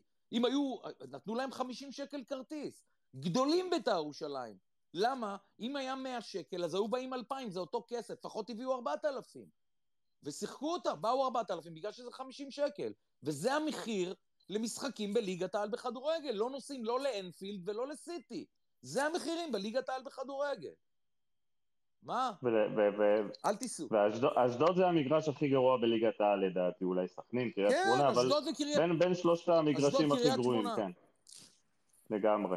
אשדוד, קריית שמונה וסכנין לא יכולים לדרוש הרבה כסף, כי הוא לא נותן לך בכלל מוצר ליהנות לראות שם משחק כדורגל. לגמרי. תגידו רגע, לא יכול פרימו? עובדה שהוא לוקח. אני יכול, אני יכול לפני שאני עף, רק, אה, לפני שאני עף עוד פעם, אה, ביתר ירושלים מתפרקת מנכסיה. אה, עקבתי היום, באמת, פשוט 90 דקות הייתי עם העיניים עליו, על אה, זרגרי, כמה דיברנו עליו, וחשבנו שאולי מכבי צריכים אותו. אני אומר את האמת, לפחות היום, מה שראיתי ממנו היום, מה רוצים מהבחור? הוא היה חלש מאוד, לא נייד, לא מתקל, לא מחלץ, לא בונה התקפות. מה, מה? כן, אבל זה לא... לא זה יודע, היום, משחק אותו. נגד לא הפועל. תל אביב, רבותיי, היום משחק לא יודע, נגד הפועל תל אביב, משחק בן החיים של 18 בית"ר, אז מה? יציל מועדון מת. תגידו לי, אתם עושים צחוק? מה, אני אתן לכם אחורה ילדים בני 18 ש, ש, שייצבו קבוצות או, או, או, או קבעו את המעמד שלהם בקבוצות? אם הוא כוכב ואם הוא שחקן, אז הוא כבר בגיל הזה צריך להיות שחקן. הוא צריך לבוא להראות את עצמו בהתקפה, הוא צריך להתחיל התקפות. אני לא יודע, אני לא, לא ראיתי ממנו שום דבר היום, אני לא יודע, מכבי צריכים לחשוב מאה פעם אם הם רוצים אותו. אני לא יודע אם זה השחקן ש- שחסר לנו. פרוספקט, אה, הוא פרוספקט מדהים, אה, בטח לא השחקן שישנה את התמונה של העונה הזו, הוא פרוספקט מדהים, וזה שחקן שאני חושב שמכבי תל אביב, כ... בטח כמועדון שנתן את עדן קרצב ונתניה, צריך לדעת להביא תחליף ל... ל... לעמדה הזו של גלאזר, גם אם זה אומר שאתה מביא אותו והוא אה, אה, הושאל לצורך העניין אה, לקבוצה אחרת, אתה יודע, משהו בסגנון, זה גם, אה, זה גם אופציה, יש- כן? יש אה, בטליפ, בטוויטר דבר שנקרא דלאפ, אני אף פעם לא משתמש בו בדלאפ, נכון? דלאפ, כל, כן. כל קבוצה לא שתיקח את. זרגרי תהנה ממנו. שחקן שחקן. מה, אתה בוחן אותו היום, שהבן אדם בדיכאון של החיים? אני חושב, אני שחקן, גם חושב שחקן. שהוא... אבל אוקיי, אוקיי, אבל אתם. מסכימים איתי שהיום הוא היה חלש? היום אני אתה מסתכל כל על היום. לא. הוא לא טוב כל העונה אוקיי. העונה. אבל ביתר היא באמת כן. לא ברורה למציאות. כמו שאני רואה. מי הקשר הכי טוב של אה, ביתר ירושלים, של מכבי חיפה, אתה יודע? עלי מוחמד. אתה רוצה לשים את עלי מוחמד בהרכב הזו של ביתר, ואחרי זה מה תגיד לי, אין לו מושג בכדורגל? שים את זרגרי ליד מוחמד ואבו פאני, בוא נראה איך הוא ישחק. לא, לא, ביתר של העונה אה, לא משקפת לגבי הרבה שחקנים. אגב, זה, זה גם בדיוק הדוגמה ההפוכה לגבי ירדן שואה. שדווקא בגלל שהם כל כך חלשים, אז אתם חושבים שהוא טוב. שהוא מצליח לבלוט את העונה, אבל זה, זה, זה, זה הכי משקר שיש ירדן שואה. זרגרי שחקן שחקן מי. שייקח אותו ייהנה. אחלה שחקן. אתה גם עם פרוספקט, הוא בן 18, אתה יכול לעצב אותו, אתה יכול ל- ל- ל- לתת לו עוד עמדות, אתה יכול להשאיל אותו. זרגרי שחקן שאם יש לך אפשרות להביא במעט כסף עכשיו, אתה חייב לעשות את זה, ולדעתי מי שיעשה את זה, זה בסוף יהיה אלונה. אז אני אומר לך שמרגיז אותי שהיום אנשים בוחנים אותו. ביתר עולים שחקנים מרוסקים. ולא רק שהם מרוסקים בראש. למה שלא... למה שלא סגל יביא אותו לנתניה, אם ככה? כי סגל הביא את קרצב, מה הוא הביא אחד על אחד? הביא כבר, קנה, גמרנו. הביא את הוא- מה? מכבי באמת מתעניינים בו? רז, מכבי חושבים עליו? ברצינות? מכבי, הוא הוצע להם בקיץ במחיר מאוד לא. בקיץ היה בלתי אפשרי, זה היה הזיה לא. המחיר, הוא. הוצע לא. להם גם עכשיו, אני לא, אני לא יודע להגיד. אם אלונה לוקחת אותו, עשה דבר גדול. גדול. אני ישבתי ליד אבי נימני בתוכנית שלנו בערוץ לפני כמה ימים, הנושא של זרגרי עלה, הוא אמר לי שלדעתו מכבי לא בתמונה בכלל, אז אני לא מכיר משהו לגבי זרגרי ומכבי ברגעים אלה.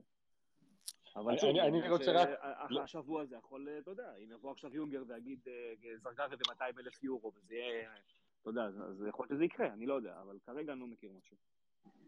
אני רוצה רק לחדד משהו בנוגע לדיון הקודם, שבשורה התחתונה, אה, מיכאל, אתה צודק.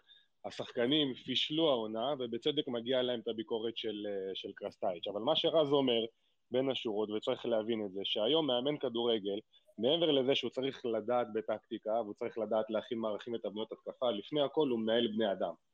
וכשאתה מנהל בני אדם, אתה צריך לדעת להוציא מהם את המיטב. ומה שהוא עשה ברעיון הזה, מקשה עליו להוציא מהשחקנים את המיטב, בין אם הוא צודק, בין אם באשמתו או לא. מה שרז אומר, שזה לא המתכון, להוציא את הכי טוב מהשחקנים הישראלים שלך, ולא סתם סוזה אמר בריאיון, שמבחינת השחקן הישראלי זה היה האתגר, האתגר הכי קשה בקריירה שלו, ו, והוא עבר בקבוצות ובמועדונים גדולים. זה לנקודה הזו. אבל אם אתה, אם אתה כבר מזכיר את סוזה... לא, מיכאל ומיכאל, אתם צריכים להבין, כל המאמנים שאתם תתנו עכשיו כדוגמה, כל מי שתביאו כדוגמה, לא באו בינואר ואמרו למנהל המקצועי, אני רוצה להחליף ארבעה זרים. יש, יש פה גם דברים שהם מעבר. אז, אז אתה לא מצפה שג'רלדש והרננדז וקובאס וסטיפה פריצה יגידו דברים חמים על המאמן, או ידברו בצורה חמה על המאמן עם החברים שלהם, או עם הסוכנים שלהם, והמשפח, והמשפחות שלהם. זה ברור שהדברים לא יהיו חיוביים. וכמובן שזה גם, יש פה עניין מול הישראלים. אין פה, אין פה, אה, אתה יודע, בסוף המציאות היא ברורה. רז, אבל אני אומר, אומר משהו אחר.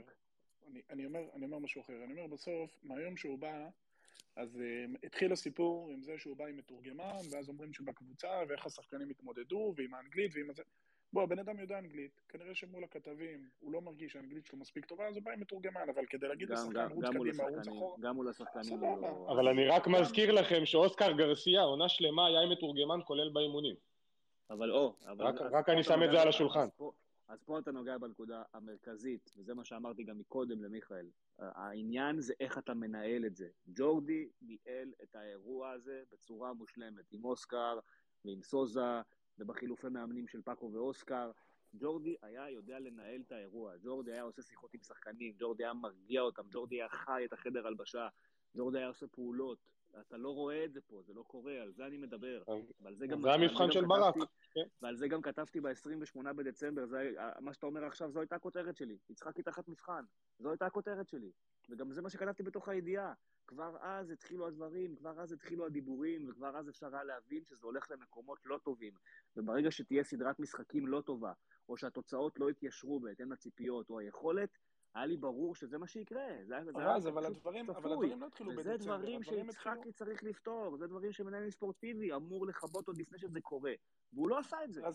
רז, השרשרת הזאת התחילה ביום שדוניס מונה והתחיל כל הבלאגן. נכון, זה מעגל. ועם איך שהדברים...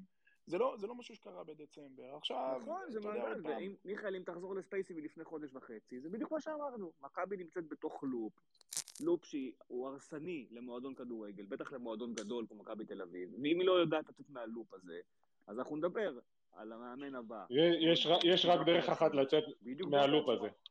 יש רק דרך אחת, וזה להתחיל לנצח אה, משחקים. זו הדרך היחידה. וככה איביץ' הצליח להשתיק את כל ה...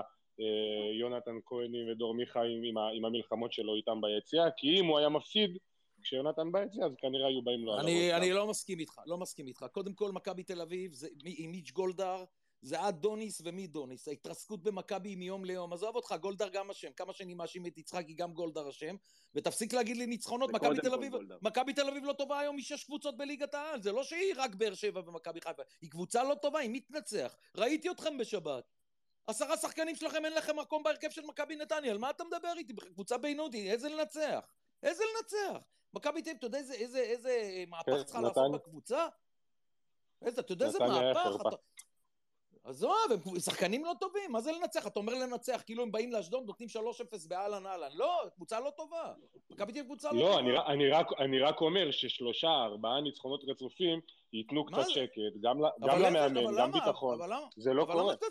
אבל למה תנצח לא שלושה ארבעה? אתה לא יותר טוב מאשר מחצי ליגה. אתה לא מצליח להגיע לזה. אם ניצחת את באר שבע ואז את הפועל ירושלים, ולא עשית ניצחון שלישי ברצף, אז מול איזה יריבות כן תעשה את השלושה ברצף?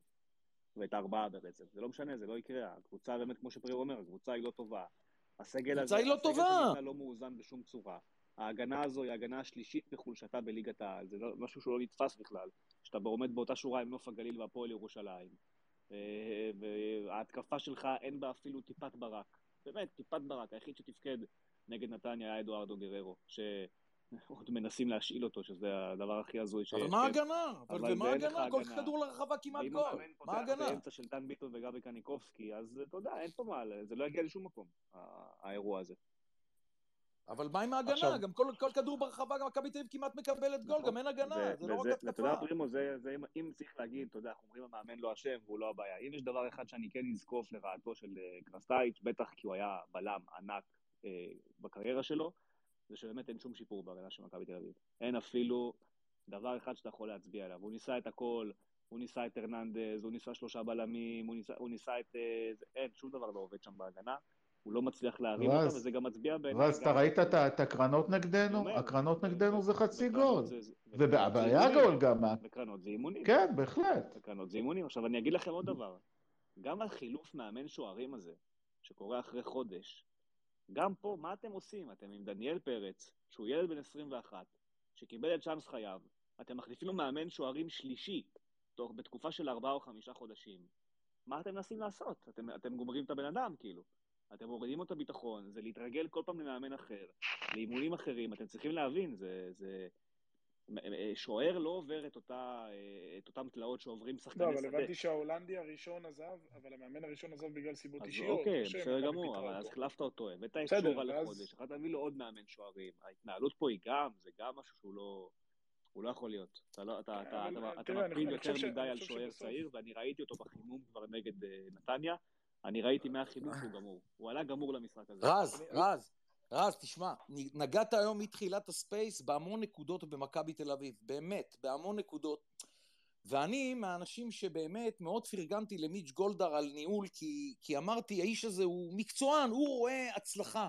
כמו שהוא רואה את הקניונים שלו מצליחים ומרוויחים כסף, ככה ראיתי את מכבי תל אביב, ואף אחד לא יכול להתווכח על זה עד לפני שנתיים. עכשיו, אם אני כל הזמן אמרתי לך את זה, שהוא מקצוען והוא רוצה הצלחות, ו- ואין אין משהו אפור במכבי תל אביב, אז אני שואל, מי היום האיש האחראי שאומר לגולדהר, תשמע, זה, זה, זה לא מה שהיה, אנחנו הידרדרנו בכמה... אם היינו ציון עשר בניהול, היום אנחנו שש. מי אומר אז- לו את זה? אז אה, אמר את זה קרמר היום בטוויטר, צייץ את זה והוא צודק. מי שצריך להגיד לו את זה, זה ג'ק אנגלידיס. במבנה הניהולי שבנה מיץ' גולדהר, זה האיש שאמור לבוא ולהגיד לו, שומע מיץ', שדברים לא, זהו, זה, זה לא עובד. מה שניסית לעשות לא עובד. לא נתת פה עובד. צ'אנס לבן אדם, הוא לא הצליח לעמוד בעול הזה שנקרא מכבי תל אביב, בוא, בוא נתחיל לחשב מסלול מחדש. שוב, יכול להיות, כמו שאמר גיל שלי... רק לחדד, כשאתה אומר בן אדם זה ברק יצחקי או קרסטייץ'? לא, זה ברק יצחקי. אה, כשאמר גיל שלי ביום שבת, יכול להיות שיש תוכנית גדולה שאנחנו לא מכירים, וברגעים אלה עובדים עכשיו גולדהר והגלידיס על, על מציאת פתרון, על הבאת אה, סמכות אה, מקצועית זרה אחרת, אה, כל מיני דברים בסגנון. אני לא, אני, שוב, אולי זה באמת קורה, אני לא חושב שזה קורה. אני לא מרגיש שזה קורה. אני מרגיש, כמו שאומר גל, כבר כמה ספייסים ברציפות, שגולדהר החליט לתת את המפתחות לברק יצחקי, ושהוא באיזשהו מקום אולי אפילו ינקה אותו, או מנקה אותו, ממה שקרה בקיץ, כי הוא עבד מול פטריק, ופטריק פה, בעיני המועדון, היה הסמכות הבכירה יותר. ככה לפחות ראו את זה במכבי תל אביב. יכול להיות שהוא באיזשהו מקום מנקה קצת את ברק, ונותן לו את האפשרות אה, כן לבנות את זה מחדש. אני, אני, אני כרגע לא חושב שהוא הולך לכיוון של החלפה של ברק יצחקי, אבל פה צריך לשים את הנקודה המאוד, אה, אתה יודע, את הנקודת סיוג המאוד ברורה הזו, שאם ההמשך של העונה הולך להיראות כמו המשחק מול מכבי נתניה, אין לי בכלל ספק שבקיץ יהיו צעדים דרמטיים. אבל אם הקבוצה איכשהו כן תתייצב, וכן תהיה בסדר, לא, לא אומר טובה, היא כן תהיה בסדר, אני לא פוסל בכלל שגולדהר יעריך את הקרדיט של ברק יצחקי, גם לעונה הבאה, אני לא פוסל את זה. אני מה, רוצה להגיד אני. לא מאמין מה שאתה אומר. תקשיב, לא אם ברק. יצחקי ממשיך במכבי תל אביב, אתם אין לכם סיכוי שנים לקחת אליפות. אני, פרימו, אני לא פוסל את זה. מיץ' גולדהר ישב ואמר דברים מאוד בררים, מאוד ברורים אה, ומאוד חדים לגבי יצחקי רק לפני חודש. עכשיו, אוקיי, יגידו לי שגם על מוטי וניר הוא דיבר... אבל גם הוא משנה מאוד- את הדעה, אבל גם לא, הוא יכול לשנות דעה. יגידו לי שגם על מוטי וניר הוא דיבר בצורה חמה, וגם על אה, אבי נימני, וגם על פטריק ון לובן רק לפני כמה ימים, אה, וגם על ג'ורדי קרויף. יכול להיות שזה נכון שמיץ' גולדהר בסוף אומר דברים, כי הוא לא יכול להגיד מה שהוא חושב באמת, אבל אני לא מרגיש אה, שמעמדו של יצחקי כרגע בסכנה. אני אומר לכם את האמת, אני לא מרגיש את זה. אני חושב שהוא אשם בלא מעט דברים שקורים. אני גם אמרתי לו לא מעט פעמים שבעיניי הוא בנה סגל לא טוב, הוא יודע בדיוק מה אני חושב. אה, אני לא יודע אם מיץ' גולדהר אה, חולק את אותה המחשבה. אני לא יכול להגיד לכם את זה בכל אופן. אני חושב, אני חושב שספציפית לגבי הסיפור של יצחקי... ושיפסיק לדאוג, ל... אחד- ושיצחקי תגיד לו גם שיפסיק לדאוג לחברים שלו, מה שקורה בתוך מכבי. ודי ל... די לרמיזה. מעניין. אני, אני. אני חושב מה זה שבמקרה מעניין? של יצחקי... לא, לא, פרימו, זה חושב מאוד, זה מאוד מעניין, כי זה לא מגיע רק ממך, זה מגיע מ, מהרבה מקורות, כל, ה, אני אמרתי לך גל, פעם... גל, זה לא צריך להגיע, אתה רואה את ההרכבים, מה צריך להגיע? אני לא אתה חושב, רואה את זה. אני לא חושב בשום, אני יודע למה אתם מכוונים, אני לא חושב בשום, אין אפילו אחוז אחד שההרכב של קרסטייץ' לא, לא מדבר על ההרכב, לא מדבר על ההרכב, מדבר על ההתנהגות. לא אוקיי, מדבר על בסדר. הרכב. בסדר. שאם, שאם אה, השחקנים של מכבי תל אביב באים ורואים ביום שבת את ההרכב שפותח, ושחקן אחד אומר לשחקן שבצד השני ממולו, רואים אותו כולם בשפתיים, אומר לו זה לא ייאמן, ככה עם השפתיים, שהוא ראה את ההרכב, אתה מבין מה קורה במכבי תל אביב? מי יכול היה להגיד את זה אפילו נכון. באוזן בתקופות אבל- אבל אחרות? יפה. פרימו, זה בדיוק מה שאמרנו, זה בדיוק מה שאמרתי, סליחה, לפני כמה דקות, שאתה אתה צריך לנהל את האירוע הזה, ויצחקי לא מכבד את השרפות שמתרחשות. ג'ורדי ידע לכבות הוא לא על זה אני מדבר. שאמרתי חברים לא גל, הוא. לא קובע לקרסטייץ' את ההרכב. לא, לא, ברור, פרימו, אני הבנתי, אותך. יופי, יש. היום לא שחקנים בקריית שלום שפחדו, יש היום שחקנים בקריית שלום שפחדו ללכת לעשות פיפי על דעת עצמם, והיום מרשים להם ללכת כמו טווסים. וזה יצחקי, לא יעזור לאף אחד כלום. אני מסכים. כשזה מגיע לאירועים כאלה, זה רק ניהול. והניהול הספורטיבי כן. הוא רק בידיו של ברק. רז, רז, בגלל זה אני טענתי, בגלל זה אני טענתי שמכבי חיפשה מאמן, אני פשוט אמרתי שמכבי לא בנויה למאמן זר, לא שאני לא רוצה מאמן זר, אני חושב ש... שאני רוצה מאמן זר, אני חושב שצריך מאמן זר, אני חושב שמכבי במבנה הנוכחי לא בנויה למאמן זר, וכל כישלון קטן זה מדרון חלקלק, וכולה נכשלנו נגד כן, מכבי נתניה. שיחקנו, אבל, אבל שיחקנו, שנייה מיכאל, שיחקנו מצוין נגד באר שבע, אוקיי? הוצאנו תוצאה טובה נגד הפועל ירושלים, ניצחנו את מכבי פתח תקווה, זה לא יכול להיות, נכון, המשחק היה נורא ואיום, זה לא יכול להיות, להיות שאחרי תיקו יוצא כל הזבל החוצה. סך הכל תיקו נגד מכבי נתניה, מכבי נתניה לא קבוצה רעה, ואנחנו רואים שתיקו קטן, פשוט, אני לא רוצה להגיד מרסק הכל, כן? אבל תראו מה קרה, כאילו, זה אומר שאין אין מנהלים חזקים במכבי, אין סמכות חזקה במכבי, וזה גם על שרון תמם אגב, כן? שיודע, שתדע לשמור על קרסטייץ' ממשברונים כאלה קטנים. אז מה יקרה אם נפסיד עכשיו שלושה משחקים רצופים? אתם יכולים להגיד לי? אם על תיקו כזה אחרי מכבי נתניה קורה מה שקורה, וכל מיני שחקנים שלא שיחקו יוצאים ופותחים על המאמן, מה, מה, מה יקרה אם נפסיד שניים או שלושה משחקים רצופים? מה יקרה אם נפסיד באשדוד? אז כאילו, זה, זה בעיה, ועל ה, ו, ו, ופה אני מאשים אך ורק את ברק יצחקי, שלא יודע לשמור על, ה, על הקבוצה ועל אה, קרסטייץ' כמו שצריך. זה הכל. כן, מיכאל. אז, אז, כן, אה, סליחה רז. לא, אז, אז אני אמשיך למה שאמרת. אני, אני, את הדברים האלה שאתה אומר, אני אמרתי בעצמי לברק יצחקי, אה, ולפני הרבה מאוד זמן אמרתי לו את זה, שהדברים האלה קורים, המועדון מודע לדברים, הוא יודע בדיוק איך לטפל בזה. עובדתית, גם אם ניסו לטפל בזה, זה לא קורה, זה לא מצליח. יש בעיות. גם המאמן, כמו שאמרתי, אני לא מנקה אותו, יש לו חלק במה שקרה אה, נגד נתניה. אה, או במה שקרה אחרי המשחק מול נתניה, אה, זה לגמרי עליו. גם בקטע הזה מאמן צריך לדעת להתנהל בצורה טיפה יותר חכמה וטיפה יותר אלגנטית.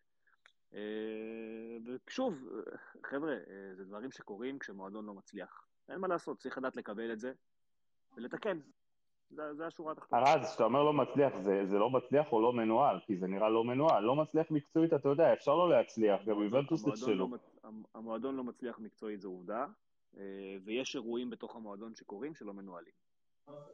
בסוף, בסוף, בסוף, הבסיס זה, זה ניהול, ואחרי זה אה, אי הצלחה מקצועית. ואני אומר, העניין הזה של הניהול, אני אומר, עצם כל התהליך, ההבאה של קרסטייץ' אחרי תשעה משחקים של יצחקי כמאמן זמני, ועצם זה שהוא מגיע בחוזה לחצי עונה עם אופציה, מה זה אופציה? אופציה זה דבר שבאמת, אף אחד לא באמת מסתכל על האופציה בצורה רצינית, בטח לא חדר הלבשה, בטח לא שחקנים, וגם לדעתי אפילו לא המאמן.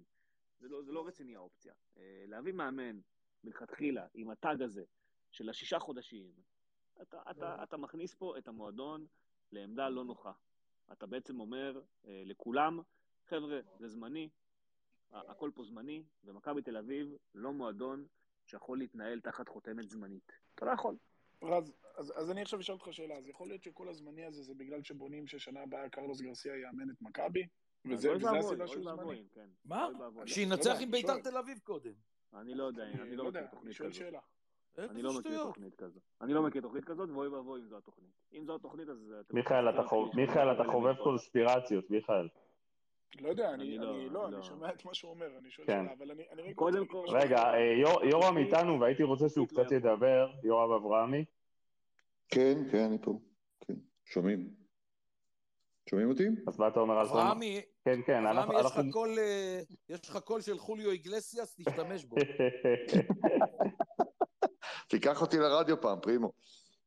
למה? שתשאיר לי בספרדית, אני מביא אותך ביום רביעי. נו מה, נו מה. אני, ויורם מתכתבים הרבה, והיום סיכמנו שלמעשה קשה מאוד לדעת מה קורה במכבי. נכון. אני, אני רק רוצה לומר דבר אחד, ודווקא לשים את הזרקור קצת על השחקנים. אני, אני חושב שכל כל אחד מבין שהיום ההרכב והסגל של מכבי, יש שם אה, לא מעט שחקנים שאני בטוח לא יישארו בעונה הבאה. זה מאוד מזכיר לי מה שקרה עם הפועל באר שבע בעונה שעברה. הפועל באר שבע עשתה בקיץ ניתוח עצום בסגל שלה, וצריך לומר את האמת, הניתוח הזה הצליח. הפועל באר שבע היום אה, עם כדורגל לא טוב אמנם, אבל רצה לאליפות. ולכן, כשאני מסתכל על מי משחק במכבי, ופרימו צודק בקטע הזה, מכבי היא אולי הקבוצה בעיניי החמישית או השישית בטבעה בארץ היום. היא לא מעבר לזה, צריך גם להודות על האמת. ושחקנים, היא גם עוברת תהליך נוראי, ששחקנים שפעם היו שחקנים מובילים, כבר לא מסוגלים להוביל אותם. ואני לא רוצה לציין שמות, אבל זה, זה, אנחנו יודעים במי מדובר. והשחקנים האלה גם מסרבים להרפות. זאת אומרת, אה, סליחה, מסרבים לשחרר. ואתה לא מצליח לגדל מנהיגות שם. וזה הבעיה של מכבי. חילופי הדורות שם נעשו בצורה מבולבלת ולא טובה. ואם נסכם את הדברים, אני לא הייתי ממהר לנקות את השחקנים, מה שקורה.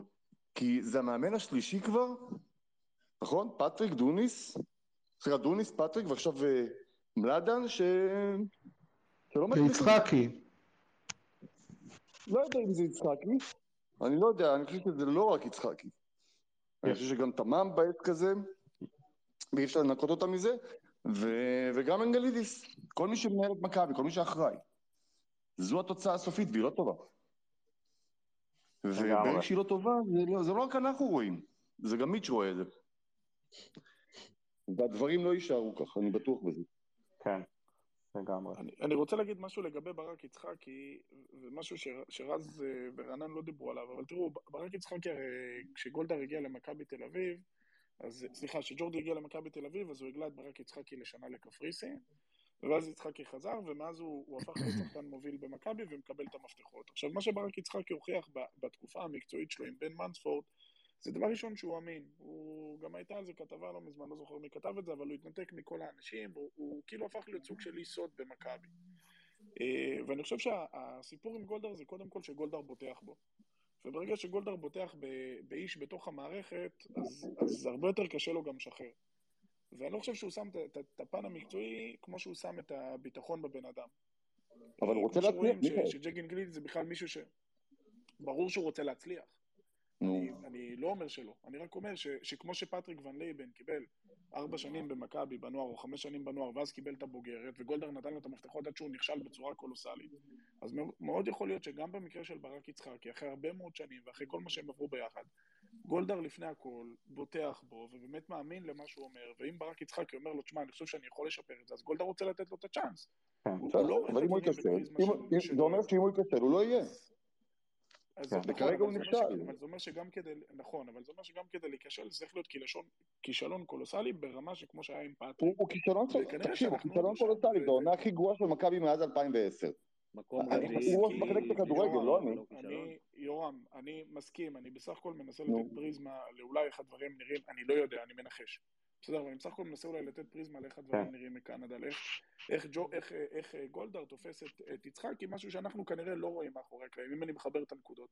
ומאוד יכול להיות שיש פה משהו קצת יותר מורכב במערכת יחסים ביניהם, שהוא מאוד מאוד סומך עליו, ואם הוא אומר לו אני יכול לתקן, אז כנראה שהוא רוצה לתת לו... את מיכאל, לא מיכאל. זה קרדיט הרבה יותר. מזה, ואני אומר לך שזה הרבה יותר מזה, ומיץ' גולדהר צריך להתחיל להסתכל גם לכיוון מחלקת הנוער שלו, ולהתחיל להבין מה קורה שם.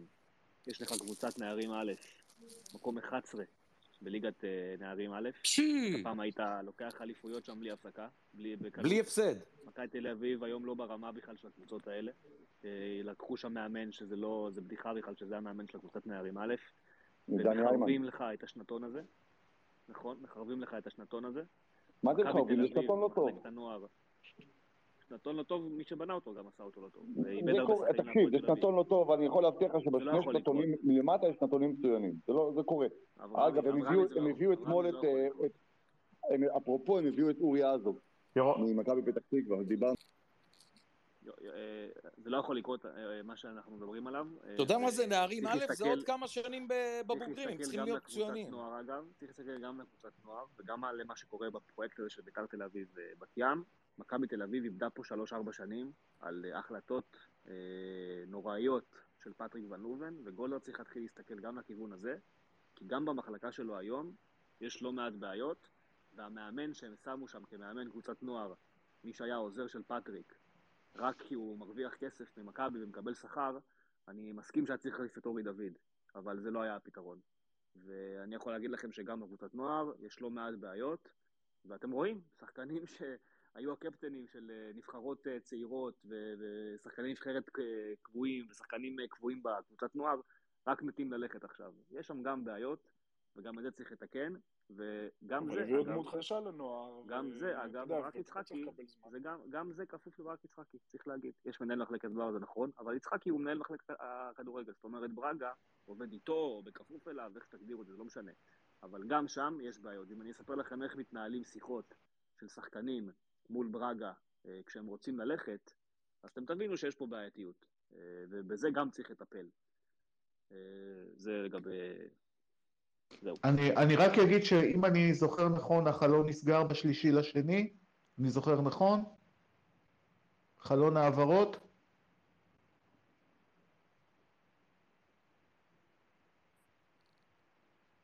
מה קרה? כולם כן, עפו? כן, כן, כנראה שכולם... אוקיי, כן. שלישי, שלישי לשני לדעתי, זה עוד שבוע. אנחנו נהיה יותר חכמים, אם נראה שלא מביאים שום דבר, אז אנחנו נדע שהמאמן הזה סיים את דרכו, והולכים כנראה שנה הבאה להפריש מיש, משהו כאילו, יתחילו מחדש. אם כן יביאו שחקנים, או אפילו שחקן אחד או שניים, ונראה שיש איזו מלחמה גם על העונה הזאת לשפר ולנסות להתחיל להניע איזה שינוי, אז יכול להיות ש... שבאמת אה, האופציה הזאת שאתה אומר היא תתממש בסוף, וכן הוא יישאר, והוא יצטרך להכין את הקבוצה לעונה הבאה. לדעתי עוד שבוע נהיה הרבה יותר חכמים.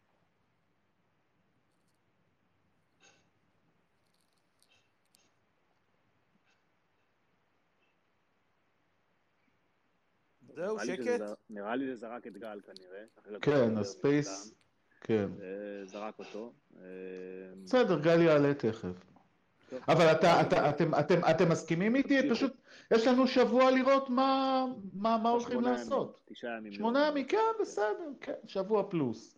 נראה מה יעשו. יכול להיות שכרגיל מחכים לשנייה האחרונה, כמו ב- בשוק, לאסוף את השאריות שעולות הכי פחות. בסדר, זה פרקטיקה מקובלת אצלנו, זה לא משהו חדש. אה, כי גם אין מבחר גדול, כמו שאתם רואים, ועובדה שרז, אתה לא שומע על איזה עסקאות מתחת לפני השטח. אז יכול להיות שדברים ייסגרו בשניות האחרונות או ב- ב- ברגע האחרון.